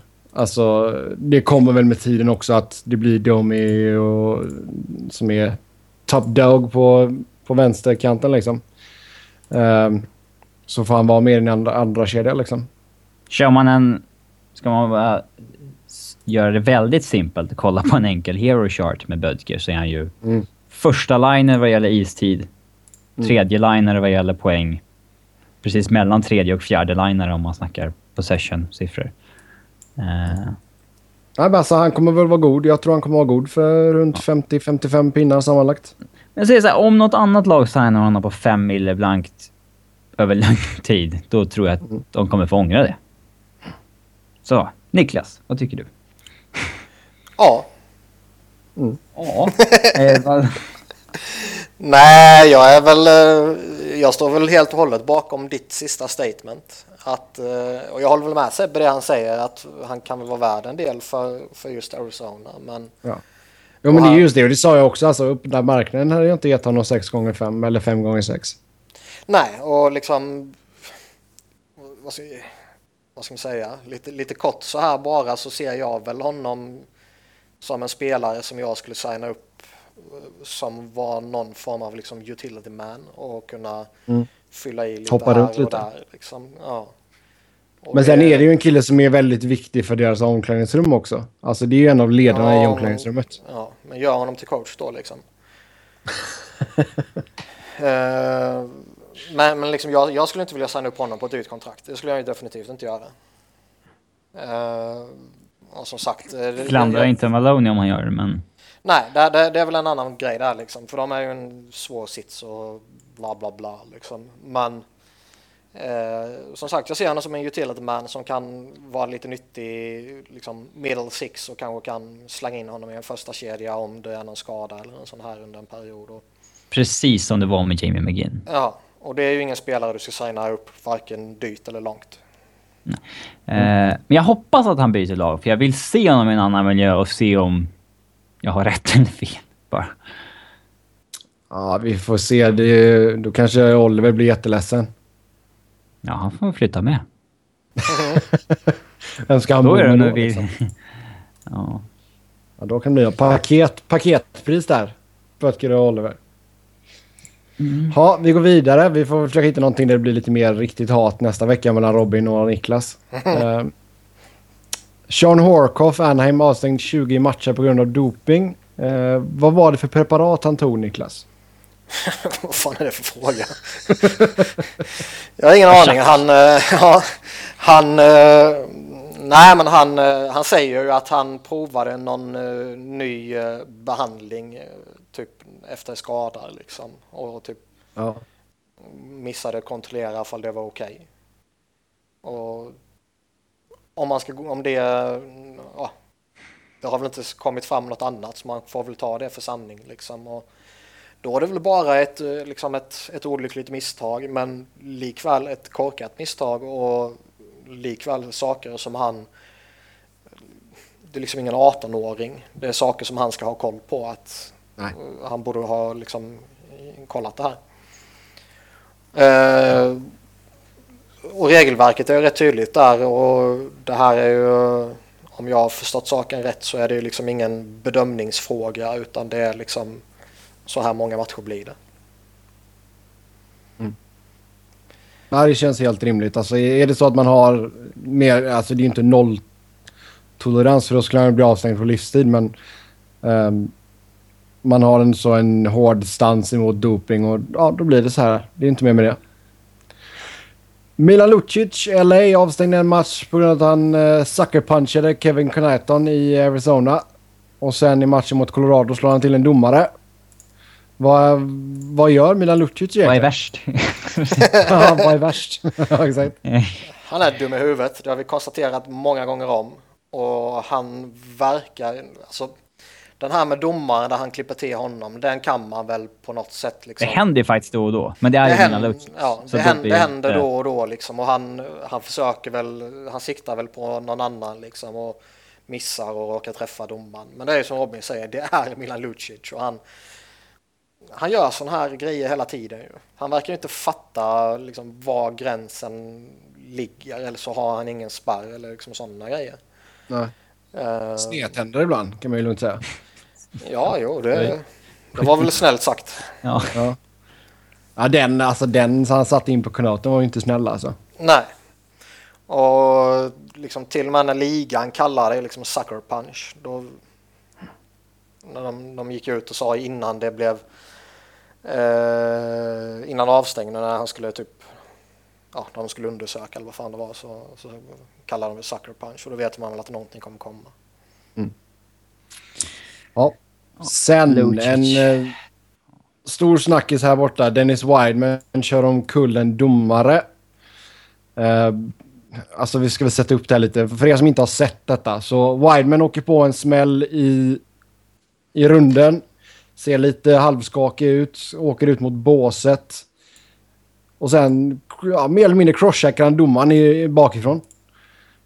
Um, han säger att han inte såg domaren förrän i sista sekunden. Um, alltså det, det enda jag kan tänka mig är att han är så pass groggy efter smällen han tog så att han tror att det är en Nashville-spelare han smäller till. Det finns ingenting som kan försvara det han gör. Eh, Alltså, Vare sig om han är inte- groggy eller om han tittar ner i isen och inte ser någonting eller var, bara han är så förbannad så att han liksom inte fattar vad han gör. Det finns ingenting som kan försvara det här och det finns inga som helst förmindrande omständigheter när du går på en domare. Eh, där ska det på alla sätt och vis vara nolltolerans. Eh, vi snackade Lucic situationen tidigare. Där tror jag ju helt ärligt att det bara är ett, liksom, en tabbe. Att han siktar på en Colorado-spelare och så liksom, ja, det är svårt Mm. att stoppa en sving när du väl har börjat svinga liksom. Ehm, och han fick ju en avstängning. Men just en sån här grej när du går på honom bakifrån, domaren måste fan åka in på sjukhus liksom. Ehm, Det är inte så att han... Han säger att han ser honom sent och eh, liksom bara en reaktion, men han trycker ju verkligen till. Det är, Det är ju inget- jättesaftig ju. Det är inte så att han bara knuffar till honom för att liksom... Ja, "Hej, alltså, jag ska in i det båset, blir. flytta på dig liksom. Alltså man ser ju spelare som krockar med domare ibland och det är ju... Ja, det shit, ser annorlunda happens, ut liksom. Ja. då. Ja, det är Eh, på riktigt. Ja, och efter att han har gjort det så bör han ju ha upptäckt oj, det var domaren, men han bryr sig inte ett smack och åker bara därifrån. Ja, Eh, och att skylla på hjärnskakningen som han... pff, ah, Jag vet inte exakt hur en hjärnskakning skulle funka, men att den gör att han inte ser vad, en, vad det är för människa framför honom. Det är, ju- men alltså Ja. en sån, alltså... Visst, han, när han reser den är sig jävligt upp och, långsökt tycker jag. Alltså det... Men när han reser sig upp så visst, han kan väl se, han ser väl lite sådär flummig ut. Men Han spelar ju liksom, klart matchen. Ja, och när han åker till båset så tycker jag ju inte liksom, det är inte så att han liksom Vinglar eller- vacklar håller på att ramla. Det är inte liksom Sami Kappanen när Darcy Tucker höll på att döda honom eh, 03 eller 04, jag minns inte. Eh, så, så, jag menar, är det ett sånt läge som det var med Kappanen där han verkligen helt uppenbart inte visste vad fan han gjorde liksom. Ja, då, då ser man ju det rätt tydligt, anser jag. Men i det här fallet så det finns inga som helst förmildrande omständigheter och eh, det finns ju någon sån här typ standardgrej när du liksom abuse of officials och liksom något 10 allvarligt matcher om så det får är du medvetet, 10 20 matcher om det är ja. medvetet va? Ja. Mm. Och jag, ja, jag skulle ju inte ha något emot om det blir mer än 20 matcher. Ja, allt våld mot en domare som... Det eh, är ju vara- förkastligt. ska ju vara fullständig nolltolerans mot. Eh, ja, jag har väldigt... Jag tycker att det är så konstig grej alltså. Jag vet inte vad... Och, eh, alltså om han... Om han på riktigt var så groggy så han inte ens ser vad det är som händer, han knuffar bara undan någon som kommer i vägen, han sätter sig på båset. Och då inser jag att oh shit, jag fick en sån jävla smäll så att jag upptäckte inte ens att jag crosscheckade ner en domare på vägen ut. Jag kanske borde Mm. bryta matchen. Utan, nej, han spelar klart. Hade Ja, han nej, brutit det- matchen då hade han kanske, kanske kunnat haft ett case för att han verkligen var helt borta där. Han fattade ingenting liksom. Ja, då kan du argumentera för det.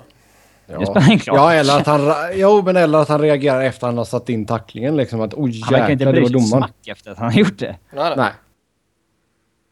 Stäng av idioten. Nej. Stäng av honom länge. Ja. Tänk om det här hade varit en kille med ett rykte. Tänk om Lucic hade gjort det här. Eller Det är så här Torres, Torres första matchen tillbaka. Ja. Ja, Så här, har inget rykte alls av att vara någon liksom, ful spelare så. Men... eh, ja. Det ska bli intressant att se. Men det luktar väl, eller hintarna vi har fått är att han kommer, kommer bli avstängd. ja. De ska unders- det, på tisdag kommer han ju höras. Mm. Så de kommer väl... eh, dels är väl folk i ligan upptagna i Nashville denna helgen och allt sånt där liksom. Och dels vill de väl undersöka liksom. Mm, kolla på den eh, från ett par olika vinklar. Ja, och eh, höra med domaren och bla bla bla och hela köret liksom. Och kommer säkert titta om det finns vissa regler, vissa regler man ska gå på hela det köret. Så. Mm. Jag har inget emot att man, nu fick, men nu fick man ju rätt, den kom ju rätt lämpligt om man säger så i och med att det är ett uppehåll i ligan. Men Jo. säg att det skulle varit matcher fortfarande och hela det där köret så jag skulle inte ha något emot om han skulle blivit avstängd i väntan på eh, utredning och beslut så att säga. Nej. Och missat matcher liksom.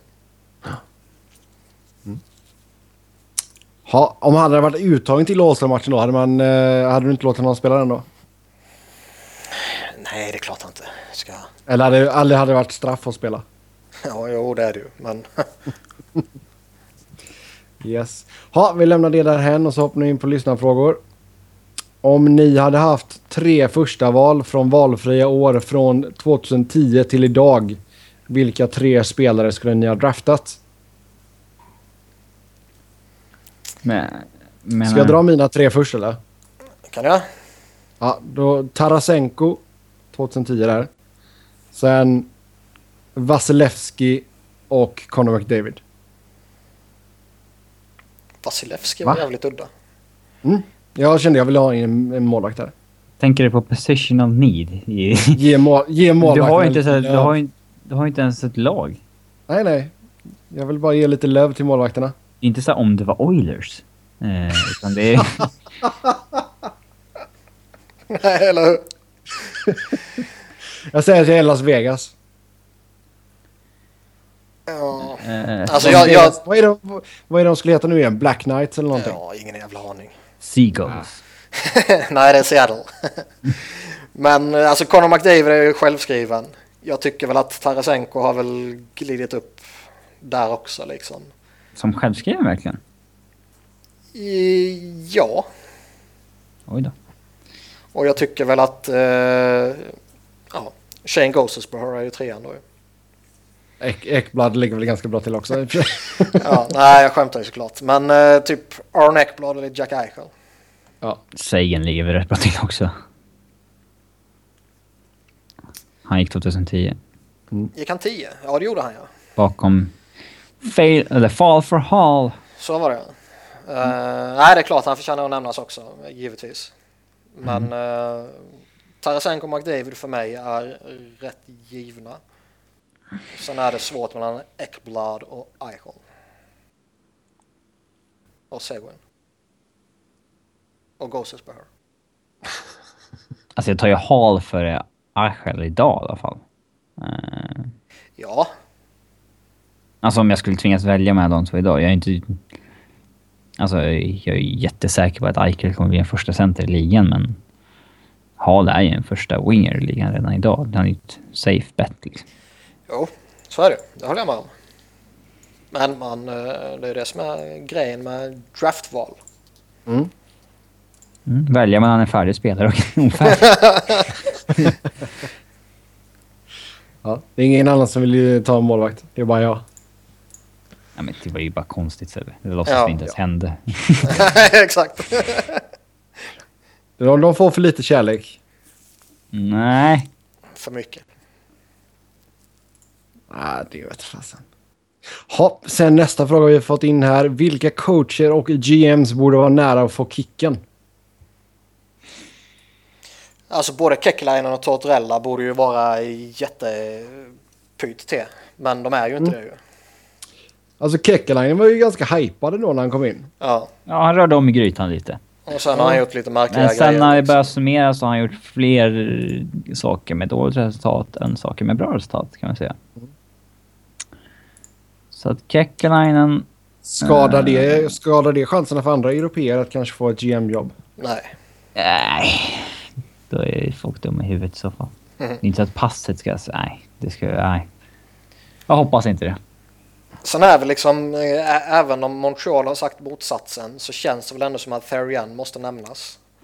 Alltså Mm. får, får de ingen ordning på det här så kan det ju mycket väl ske någonting i ren desperation liksom för att... Ja, vi kan ta coacher slut. först. Det är en helt annan diskussion med GMs. Ja. Uh, uh, Terrien borde ju vara liga pyr till. Jag tycker inte Boudreau borde ligga pyr till. Uh, Nej, men jag tror han kan göra det. mm. Men Det är räddat upp lite nu. Ja, det har jag gjort. Jo, definitivt. Men det är väl lite som, alltså Boudreau och Therian är väl lite samma grej liksom. Om, om det inte händer någonting på allvar snart liksom och liksom matcherna går. Och man ser att avståndet kanske utökas liksom. Då kanske man gör någonting i desperation för att vi måste nå slutspel. Jag är en av de som inte tycker att Hitchcock ska få gå. Det är Blues. Uh, Nej, inte nu. Eller under säsongen alltså. nej. Dave Cameron tror jag inte riktigt på långsiktigt i Ottawa heller. Han skulle... Men han kan nog fortfarande leva lite på förra säsongen. Ja, men han är en... Som bör ligga pyrare till än vad han gör. Men Kanske inte så att han ska sparkas nu liksom. Men... eh, mm. fan, det finns många bra coacher i ligan nu alltså. När man kollar igenom lagen, det är inte jättemånga som man tänker shit, de där är riktigt dålig coach. De, ja. Patrick Roy. Ja, alltså... Är mer som coach. Alltså jag tycker han är sämre som coach än som... Det är ju säkert som är GM, men... Eh, jag ser väl mer Ra säkert som en duo som GM, men... Eh, det är svårt att säga att de bör få gå när de har liksom jobbat sig upp på en slutspelsplats nu. Nej, jag vet. Men Eh, ändå är det rimligt att säga det. Om de skulle missa slutspel i år ja, och ha två, två säsonger utanför slutspel så eh, skulle jag... Ja. Alltså jag är inte så resultatstyrd. Jag tycker de har varit jävligt dåliga sen de kom in, men... Ja, det kommer inte ske. De sitter ju på no moment-klausul liksom. Mm. Eh, så att... Och det är inte så att Cronky bryr sig jättemycket om Avs heller, så att det... Ja. Han äger ju Arsenal också, märker ju stort intresse av det. Jo, jag är bekant med Vad... Alltså jag tänker bara slänga ut ett namn här nu. Mike Geo. tycker han är en riktigt vass coach. Är- Minnesota-fansen är överdrivna. Alltså de verkar vara... Alla hatar alltså, sin coach. Jaha, jag sa det. Jag hörde inte vad du sa. Ja. Eh, nej, alltså... Han är väl inte ligans bästa coach liksom, men jag tycker väl inte han är dålig heller. Det han har gjort med Wild kan man väl egentligen inte kritisera. Sen är det klart att de skulle väl hellre varit några poäng högre upp. Nej, jag tycker att han är en av de topp 15, alltså över halvan coacherna. Ja, Eh, faktiskt. Eh, Mm. GMs då? Jag tycker att... Om Anaheim är så tycker jag att Bob Murray bör ligga pyrare till. mm. Uh, alltså, jag tycker fortfarande Sweeney har ju inte gjort det bra, men det är inte så här rimligt att en GM får gå efter ett år. nej, Då ska Då man ska ju, jag- De ska ju komma typ sist. då ska man ju Då pissa ner det- allt man har liksom. Ja. Och ja. det har jag inte gjort än. Uh, Jim Rutherford i Pittsburgh när han missar slutspel. Den är ganska... Då tror jag jag kan lova att han får gå. Mm. Eh, Jim Benning kanske, även om det också Ja, givetvis är... det är lite eh, tidigt, men han är ju- Ja. Ja, jag skulle inte förlänga hans kontrakt om vi säger så. Sen vet man ju inte Doug Wilson heller liksom. Man känner ju att det hela tiden ska behöva hända någonting i, i San Jose liksom. Mm. Eh, Sen är ju en... ja. Steve Eisenman är ju faktiskt jävligt intressant. Han har gjort oerhört mycket bra för Tampa och eh, har gjort väldigt få dåliga grejer. Men han kan ju faktiskt handla i en sits där allt stora han har gjort har gått helt åt helvete. Med Martin St. Louis och Stamkos eh, sticker som UFA liksom och eh, Duran-fiaskot. Ska man få sparken för det liksom? Inte om man har byggt upp tillräckligt med förtroende innan. Jag tycker ju inte det ska jag tillägga, men jag tycker det är en jävligt intressant diskussion att lyfta. En annan intressant diskussion är Ken Holland i Detroit. Men det känns inte som att han sitter där till han själv liksom. Vad som än händer kommer han Ja, att men sitta liksom där till han själv. skulle det vara lite som... Han kommer, ju, han kommer ju dö på jobbet. Ja, men alltså lite som med Babcock Blashill eh, transaktionen liksom att... Nu är det visserligen Holland som har valt Blashill så det kanske blir lite fel på det viset men... Det skulle kanske vara nyttigt för Wings som organisation att Holland lämnade vidare till någon. Eh, jag vet inte. På vem och så vidare men... Eh, De kanske bommade rätt hårt när de tappade Jim Neal. Mm. ja, och Iceman. Och eh, Mm. det är väldigt många från Detroits front office som, eh, och gamla stab som är utspridda i ligan nu och har väldigt gott anseende. Bill Peters, som nu är i Carolina, var ju coach i Detroit bakom Babcock. Paul McLean gick ifrån bänken i Detroit till att vinna Jack Adams. Sen visade det sig att han var rätt värdelös, men... Eh, eh, ja. Todd McLellan kom väl också från Detroit, va? Ja. Eh, mm. Men... eh, ja, GMs. Dog, eh, Armstrong i St. Louis bör få gå, tycker jag. Ja, det kan. Där, där, där bör det faktiskt ske ett byte oavsett vad som händer efter säsongen. Alltså, ja. Där, där behövs det färskt blod. Säger man färskt Mm. blod? Nytt blod? Uh, nytt blod. Re, ja, inte rent blod. inte... Ja, vi, vi går vidare där. Eh, nu ska vi leka med tanken att Oilers vinner draftlotteriet. Uh, bör, de då trada Austin Matthews med tanke på deras centerdjup? Uh, sen vill de att de ska sätta upp några tänkbara trader med lag som har behovet av Matthews och dessutom spelarmaterialet att ge utbyte. Nej, man tradar nog inte det. Alltså det, Alltså är det något det är lag... för känsligt att göra det. Det kan gå... Ja, men nå, någonstans ändå, är det något lag där det faktiskt ändå känns som en rimlig möjlighet så är det väl Edmonton. Ja. Just med tanke på typ McDavid liksom. Mm. Och Dreisaitl och The Nuge liksom. Så här kan man i alla fall föra argument för att liksom, ja, det kan vara rätt rimligt. Ja, det är inte en Seth Jones som väntas gå tvåa heller, så att de kan liksom bara... Mm. Nej, men vi tar backen, vi tjafsar inte liksom. Nej. Eh, Nej. eh, så att, eh, ja... Jag, vet, inte, jag hade nog draftat Matthews bara, men... eh, om Jo, men nu ska vi leka med- Jag är väl inne på samma grej Det är klart att det är- om man leker att med tanken att eh, man tradar honom eller första valet liksom så Klart att Arizona är le- ja, logiskt. jag tänkte Eh. säga det. Arizona mot Ekman Larsson typ. Ja, plus. Det är Så, väl... eh, Ekman Larsson plus. Mm. Den, den är ju rätt enkel och liksom spontana fram. Eh, Men det sabbar ju för mycket för Arizona. Nej. Jo. Det skulle ge organisationen hopp om att bli relevant överhuvudtaget. Eh, alltså visst, Oliver Ekman Larsson är en första back i ligan, men... Eh, alltså Matthews skulle ju kunna... Han är ju perennial Norris Trophy-spelare. Ja, men alltså det... De har En ingenting sån, bak- är jag ju, ja, men en sån spelare gör ju, ju varken make eller break en organisation. Alltså...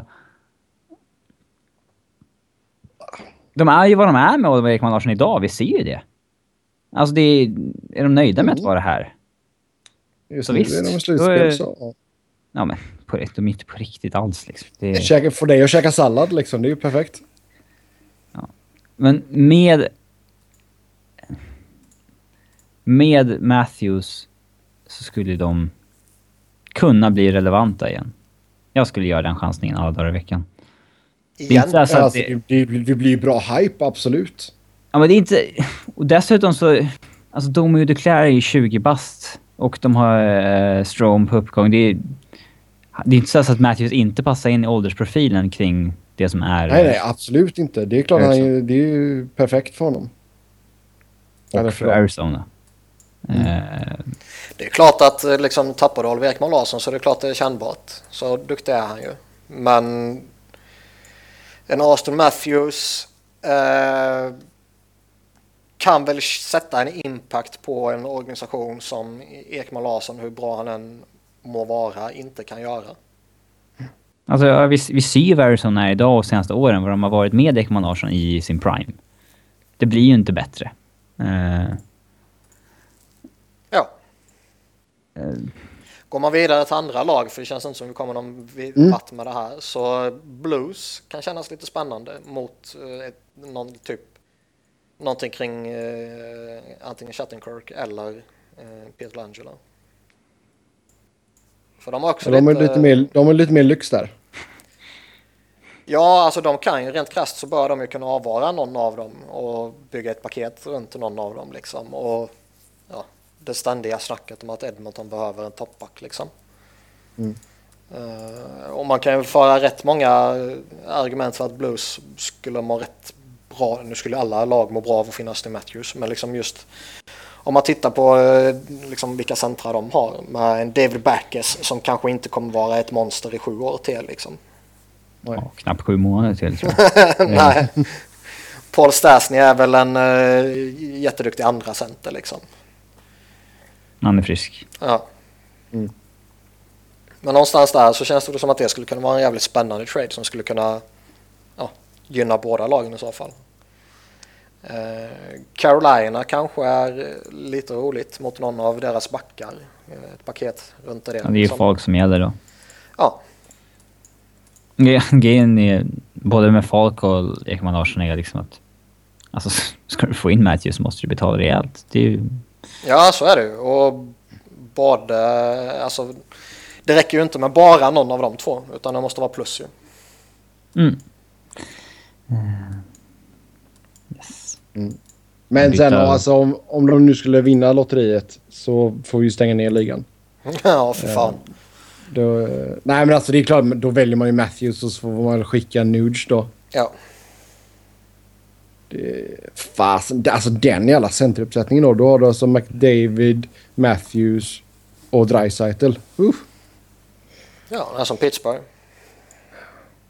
galet. Ja. Hur stor är chansen slash risken att eh, New York Rangers blir ett bottenlag från och med ett till två år och sen en lång tid framåt? Den är eh, så stor så vi kan se det som en sanning redan idag. Alltså, Nej, jag tror inte man kommer gå till att definiera bli botten. Det är ju... Ja, nej, det kan man ju säga vad man vill om. Men om... Att Rangers skulle gå och bli ett bottenlag inom någon säsong ser jag ju som jävligt osannolikt. Ja. Det Satt ju ändå för ett år sedan och sa att det skulle kunna ske inom ett, två år. Nej, inte botten, inte så att de är liksom typ bottom five. Nej, att de skulle falla, att deras fönster skulle... Ja, försvinna. men det, är- Jo, det är att två de inte är en cup-contender i mer än kanske två år till. Ja, men det, Det är en helt annan grej. Ja, det är Men inte nu har de ju tagit in, nu har de ju tagit in Danny Pye, så att... Ja. Fan vad dålig han är. Ja, men liksom Eh. bo, bo, bottenlag, alltså Alltså bottenlag kommer de inte bli så länge... det kommer ju Henke Lundqvist typ ensam se till att de inte är.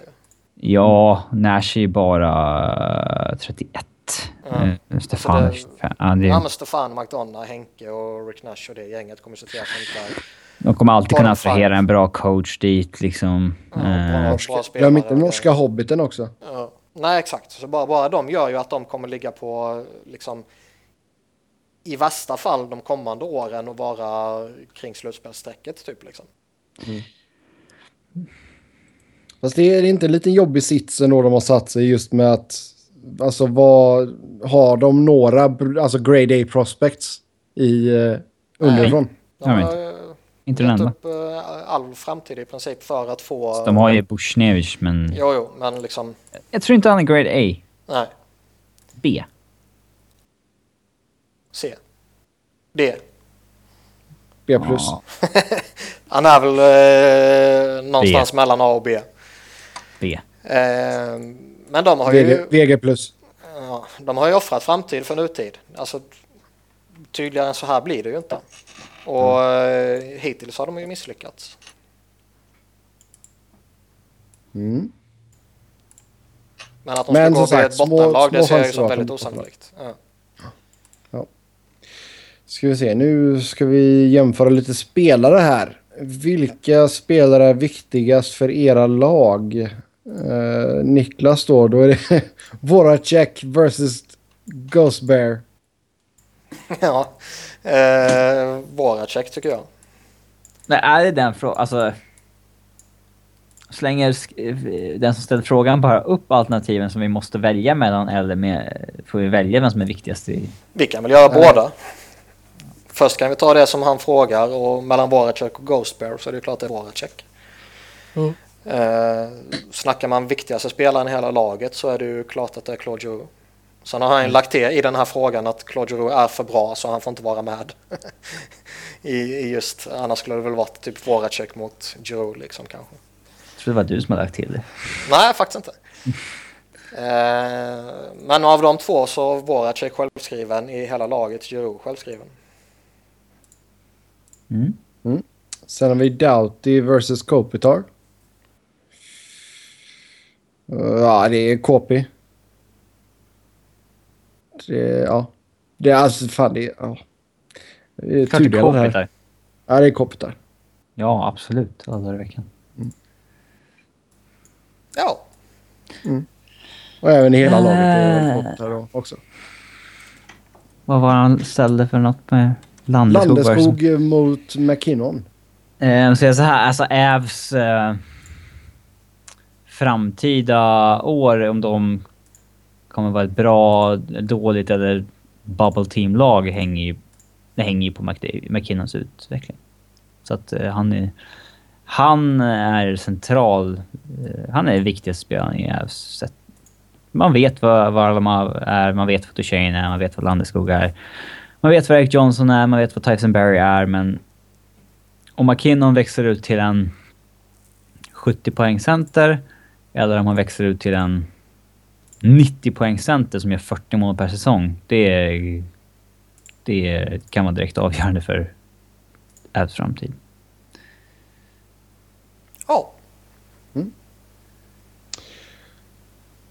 Hur mår Robin när det är Carl Söderberg som är den bärande svensken i Avs? Alltså... Hur mår du? ja, överlag rätt bra. Mm. eh, ja, jag, jag, tycker inte att han är den bärande svensken i Avs. Det hade inte gjort mig så mycket om han var det heller. Alltså, det spelar inte så stor roll. Eller? Bör, bör jag bry mig särskilt? jag fattar inte riktigt. Du blir lite osäker här nu, jag gillar det. Uh, jag vet inte. Det är en ganska ledande fråga. Han är ju inte... Alltså, det är en väldigt ledande fråga. Han är ju... Han har haft en väldigt bra månad. Mm. Uh, men det är klart att Landeskog är mycket viktigare för Ävs än vad Söderberg är. Sen har Landeskog en tung säsong. Det är, det är ju inte ute i media överhuvudtaget, men folk jag känner kring ja, local Avs-fans då som hänger där omkring känner sig rätt säkra på att han har en en skada eh, som han spelar med.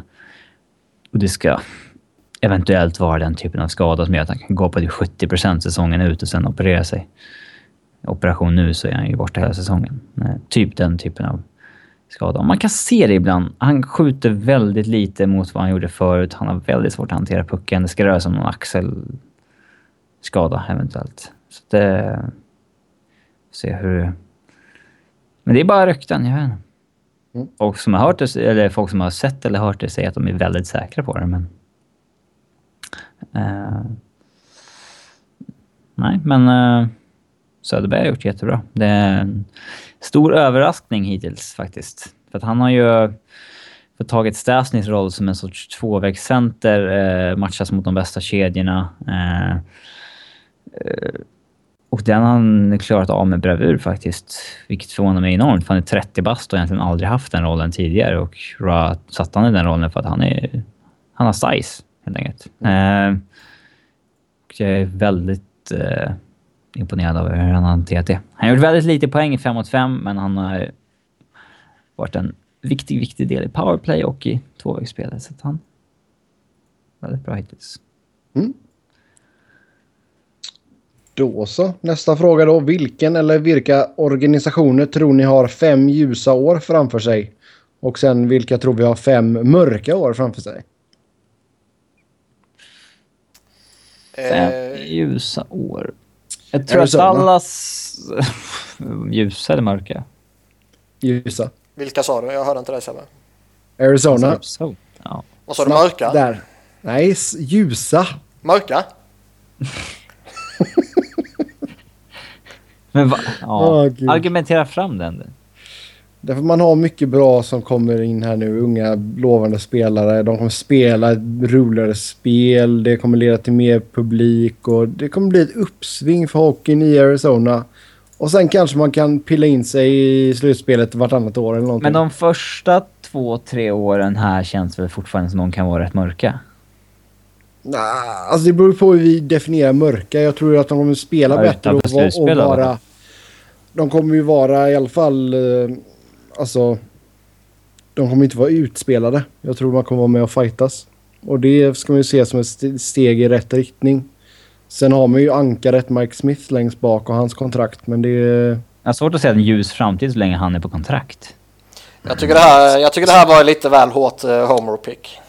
Du kan ju säkert få fram om nu Domink går fram och blir ny etta så... Ja men sluta. Då får, du ha, då får du ha Mike Smith som ligans dyraste backup liksom. Det är inte mer med det. Ja, nej, jag tycker det... Nej. Det var för generös tolkning av ljus framtid. Vänta bara så kommer Dylan Strom nästa säsong också. Det blir bra detta ska ni se. Ju, alltså, de fem närmsta säsongerna ska alla vara ljusa. Då vågar jag nog säga det är klart att något år kan ju gå trögare än det andra. Men jag skulle nog våga mm. säga Dallas. Ja. Mm. Jag skulle nog våga säga Dallas. Jag skulle våga säga Tampa Bay. Eh, jag skulle våga säga... Mm, jag skulle nog våga säga Caps. För det är ändå... Till Ovechkin är 35 och Beckis är 34, 33 och vad fan, Kuznetsov och Burakovsky och... Mm. Jag vågar nog säga att de har fem ljusår framför sig också. Holtby kommer ju ha... Alltså, ja. Mm. Eh, två... Skulle vi säga fem lag eller? Nej, nej. Du, du har bara fem ljusa år framför sig. Okej. Okay. ska, man, ska man slå in det i sten att liksom kommande säsong och de fyra efterföljande ska vara ljusa och med ljusa definiera liksom typ topplag liksom? Ja, eller... Så är Kraftig utveckling i alla fall från vad de är idag mm. kanske. Första mm. året, sen... Ja, typ. Oh. Um, nej, men då håller jag väl med om dem. Kan, kan, alltså Chicago är rätt svårt, man vet ju inte. Nej, jag vågar inte säga fem där. Eh, tre vågar jag säga, men ja. ja. Jag var nära att säga Nashville, men sen kom jag på fan Pekkarin är gammal alltså. Ja. Det, mm. det är klart att det går att lösa en ny målvakt, men... Uh... Sen är det ju liksom... Det finns ju ett gäng lag, liksom Buffalo och Edmonton, som Alltså det kan ju, så småningom tror jag det kommer bli jättebra för båda de två.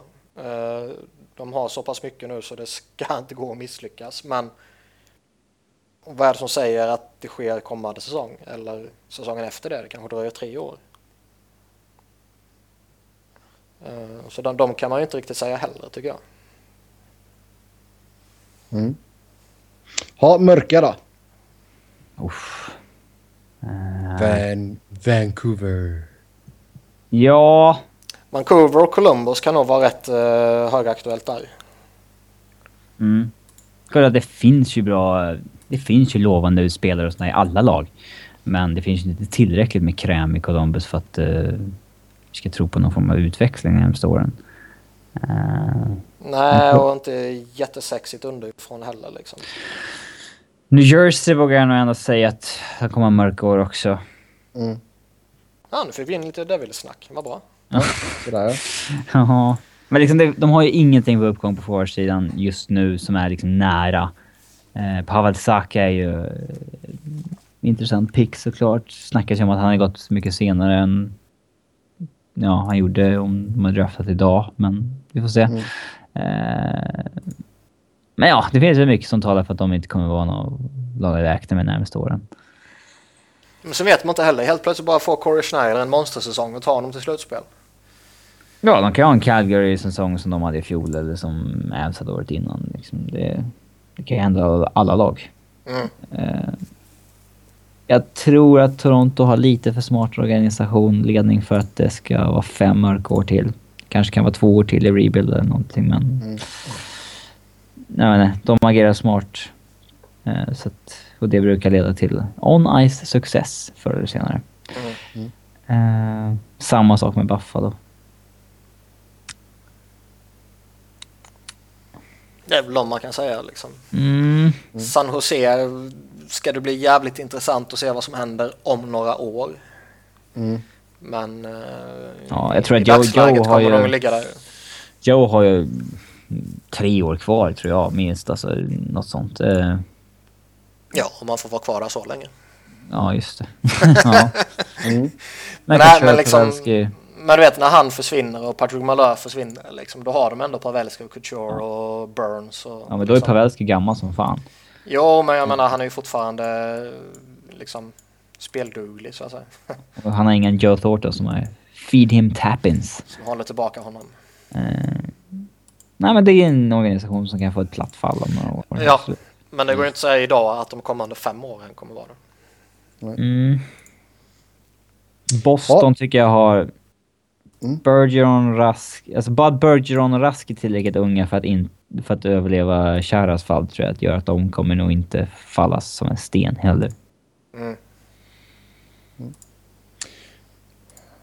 Sen kan ni nämna fem spelare de senaste åren som har överraskat er positivt och fem spelare som har överraskat er negativt sett till förväntningar.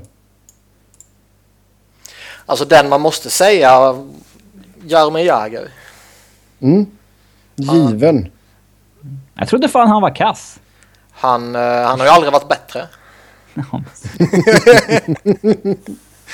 Eh, nej men alltså. Jag har ju sagt det tidigare men jag tyckte ju det var helt rätt beslut att- av Flyers att släppa honom. Eh, vad sa du?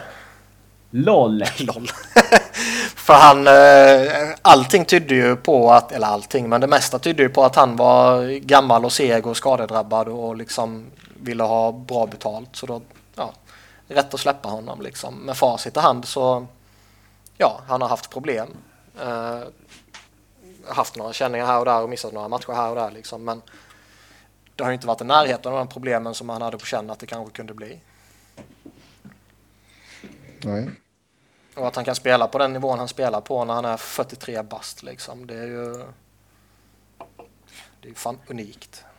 Mm. Han är bra på riktigt i den åldern, inte så här som när Sellen är... Åh, Nej, han lever inte bara på sitt namn liksom. nej. Han är bra på riktigt. Ja, Sellen var ju bara gammal och hade ett häftigt namn fortfarande. ja typ. Eh, en spelare som har överraskat mig positivt de senaste åren är absolut John Klingberg. Han nämns som en Norrisback nu liksom. Ja. för, ja, han eh, kommer ju verkligen från ingenstans. Ja, han kommer från Frölunda. Ja, exakt. Mm. Ingenstans. Men eh, liksom när han draftade 2010 och så signades han ju 2012 för man är tvungen att signa spelaren då i... Eller om han signades... Uh, jag minns inte när fan det var han signades men Går vi han, han var ju inte... Han var inte riktigt förtjänt av eh, ett NHL-kontrakt då. Det gick trögt som fan. Alltså i Frölunda lånades han ut till Borås. Eh, när han var 18-19. Sen så gick han till Skellefteå och lånades ut. Alltså han var i Jokerit, lånades ut till finska andra ligan, gick till Skellefteå, gjorde inte några poäng där. Eh, hade en halv säsong i Skellefteå året efter där det gick okej. Gick till Frölunda, hade en bra säsong eh, med 28 pinnar, gick till AHL. Att han bara två år efter det skulle vara Norris, alltså inte en Norrisback, men liksom nämnas av ändå respekterat folk som en topp 5-back i ligan. Eh, det trodde jag verkligen inte för två, tre år sedan. Nej. Mm. Eh, jag, jag hatar att nämna massa svenskar i rad. Robert Hägg, negativt. Ja, han är petad i natt. Men eh, Alexander Sten. Han kom ju från att vara typ OK och så vidare till att pytsa in hur mycket som helst och bli en superspelare. Du får ju säga samma sak om, ja, svensk till, men eh, Erik Karlsson. Vad är det här? Svensk special eller? Men sen, ja, nu om får vi vi tar- avgå. Fan. Eh, jag minns ju ändå våra tidigare poddar när Niklas sa Erik Karlsson är en helt okej back om man vill ha... Alltså om, om en 40-poängs back som är bra i powerplay liksom. Så han liksom växlat ut till killen som kommer... Ja, han är väl en slam dunk för Norris igen som det ser ut nu. Sin tredje Norris som 25 bast i. Näst bäst efter Shane Gostisbehere. Mm. Eh, fan, jag vill ta några negativa överraskningar men de är svåra på rak arm så här. Ja, jag hade inte läst körschemat. Eh, Ehm, men jag tycker man kan slänga ut Thomas Warneck. Ja. vad skulle han vara en negativ överraskning senaste åren? Ja, En ganska naturligt fall eftersom man närmar sig 30 och passerar ja 30. kanske Och. Matt Molson. Det, det händer ju mycket spelare som är över 30. Ja, jag tycker, det har varit lite, nej, jag tycker det har varit lite för hårt. Vinny La Cavaliere måste man ju nämna. Ja. Eh, Sidney Crosby. Ja, nej. Nah. Jo, Ja, men, nej. varför inte? Och det säger, Alltså, det, säger jag för- inte, det säger jag inte bara som... Sett till förväntningar så ja, kanske att jag Ja, kan exakt. köpa det liksom. Ja, exakt. Det var ju ändå... Alltså, Tobbe har en bra point här. Dustin Brown har ju gått ner sig totalt så han neg Det negativ. förväntar man sig med de där spelarna. Ja, men inte så hårt. Nej, det var ju verkligen klippa. Nej men det var, alltså det är ju så... Visst, man Nej. förväntar sig en erektion, men inte så extremt hårt som vissa av de här spelarna. Alltså han gick ju från att göra 50-60 poäng till att göra 20 poäng bara sådär. Ja. Eh, så att visst. Ett senaste, men jag, vill- jag vill tänka på någon, jag kommer på någon så här riktigt hypad talang som bara aldrig blev någonting. Jonathan Drouin. Se. The Hamburglar. En positiv är ju Aaron Eckblad, tycker jag. Som även om man, han var hypad och man hade rätt höga förväntningar på så han gick ju fan in och var en av ligans bästa backar typ. Ja, första säsongen. Ja. Ja, det. Jag tycker man kan nämna Grigorenko som en negativ överraskning. Där var ändå många ganska säkra på att han skulle bli en, en toppcenter i ligan där det snackades kring draften. Visst föll han lite då. Eh, men... Eh, mm, han liksom kämpar ju om en plats som fjärde center i Avs. Naili Jakubov. Ja, han är Mm. väl den stora draftbusten. Eh, det är svårt att komma ifrån. Ja. Tobbe säger David Rundblad. Äh, Alltså, det är vad klart, hade man jag, hade, förväntningar på honom egentligen? jag hade trott att han skulle ta en ordinarie NHL-plats. Jag tycker att han... Jag tycker inte att han har gjort det dåligt så. Men... Eh, eh, När man såg honom göra över 50 poäng som back i elitserien som 20-åring, då trodde jag kanske att han skulle nå längre än vad John Klingberg gjorde, har gjort. Eller... Ja. Hade jag fått gissa då vem som skulle gå längst av Rundblad eller Klingberg så hade jag nog sagt Rundblad. Eller jag hade sagt Rundblad kan jag säga. Um, så att, ja, han är väl en... Tom Wilson. Nej. Va? Nu har du ju hoppat över till nästa programpunkt. Ja, jag tänkte två flugor i en smäll. Lugna här nu. Ja, vi släpper den där. Vi går vidare. Om ni fick välja fritt, vilka spelare skulle ni vilja slippa se i ligan? Där är Tom Wilson mitt svar. Ja, det är klart. Ja. Farliga idioter som inte respekterar motståndare. Det är typ han och liksom Zach Ronaldo och Derek Dorsett och lite sådana grejer. Och Raffi Mm, Torres såklart. Liksom. Ja. Brad Marchand klarar jag inte av, även om han liksom givetvis är en fullt kompetent hockeyspelare. Ja, Jag har inga riktiga hatspelare sådär. Någon jävla AIK-are måste det ju finnas. Niklas Jensen i Rangers. Ja, Utlånad en säsong till AIK. ja. Eh, nej, Tim Thomas är ju inte kvar. Eh, Kiprusoff är inte kvar. Niklas Bäckström är ju inte kvar på riktigt. Så där kan man ju inte... Alltså målvakten Bäckström. ja, ja. Ja, jo. Du, du bara hatar på målvakter. Nej, jag pratar på före detta AIK-spelare. Thomas, Kiprusoff, Niklas Bäckström. Fatta att de tre spelat i AIK. Och, eh, Odoja. Den gamla Hammarby-spelaren. Eller är han Alltså, han är ju Djurgårdsspelare för dig? han gick, han gick ju till Djurgården sen. Men... eh, Men han är ju bajare i grunden. mm, han är Sen gick han till Frölunda och blev bra. Uh, I och för sig, alla, alla med Frölunda-historik kan man ju. Wikingård använde honom som en så här sjunde back, extra goon i, i Djurgården. Han var kanske inte så nöjd med den rollen. Eh, två gånger han skickades in bara för att sänka... Ja, Sean Horkoff var ena gången, Per Ledin var en annan gång. Eh, Och bägge gångerna fick han spela oskyldig. Nej, det var bara slump. Första bytet för matchen. Bara, det var ingen order från tränarhåll. Ja. Vi går vidare. Och eh, det har ju tyvärr Patrick blivit en... Kane skulle man kunna säga i och för sig. Herregud. Ja, det är bra. Man kan ju slänga upp en sån typ RJ Umber. Andrew McDonald skulle ju kunna försvinna också. Man får välja eh, dumpa spelare på sitt eget lag. Bra sätt att utnyttja punkten. Det har blivit en trend att små barn tar med sig plakat på matcherna och så skriver de att om du gör mål den här spelaren så ska vi få en hund. Ja, det ska jag fan också ha om jag går på min första NHL-matchen. Ja, för fan vad sånt är tramsigt. Det är bara sån här skit för Vem att man fan vill gör plakat över hela, överhuvudtaget? Det är bara för att du vill synas i tv liksom. Ja, Sånt, jag sånt, kan, jag kan visst, jag första där, det var visst, det var väl lite smågulligt. Men när det blir liksom varenda match nu liksom var, nej. Nej, det är så patetiskt. Man vill bara synas i tv liksom. Ja. Eller zoomas in på jumbotronen i matchen liksom. Eller vet sådana grejer. Och sånt föraktar jag. Ja, jag föraktar alla som sitter på rad ett och bankar på glaset. Ja. Alltså, det, Ja. De som ska ställa sig upp hela tiden. För fan vad jag hatar dem. De som ska ställa sig upp och vända sig mot kameran ja. Ja. Och sen så, Ja. så här, när han väl har satt sig då, så ser man ju att det är så här handavtryck i, pop, i popcornfett på eh, flexit. Det är nachos. Nachoost. Det är så jävla amerikansk sport kan bli. Så- så- så- Nej. Jo men det, det, det kan vi ju snacka oss. Eh, Rad 1-folket borde sitta med säkerhetsbälte på som inte kan. Ja, exakt. Ja, men just det. de måste på att liksom, ja, Nu ska alla klappa, du vet. Nej, det är... Usch. Make some noise! Ja, gud vad jag hatar det. Men, men. Så är, så är det tyvärr. Ja, man är ju... Nej. Du vet så många gånger som man bara... Och vissa lag har ju såna här konstiga grejer för sig också. Bara här i Bakersfield. Då, kör det, då är det många som kör kobjällra. Och det kan jag säga, det uppskattar inte jag.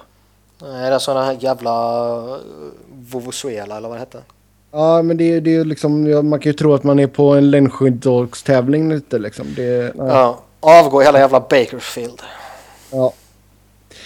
Men tillbaka till hundgrejen då. Jag ska faktiskt läsa upp hela frågan här. Åsikt om alla hundar som skaffats senaste tiden för att till exempel Atkinson Ryan gjort mål. Borde en spelare låta bli att göra mål om man gör bedömningen att de inte är lämpliga som hundägare? En hund per mål, vad är regeln? Hur fick du dina hundar? Jag adopterade mina hundar. Det är en sak som jag också ska stressa. Det här med att det står att de ska köpa en hund. Ja, det är ju verkligen avgå. Adoptera en hund för guds skull. Uh,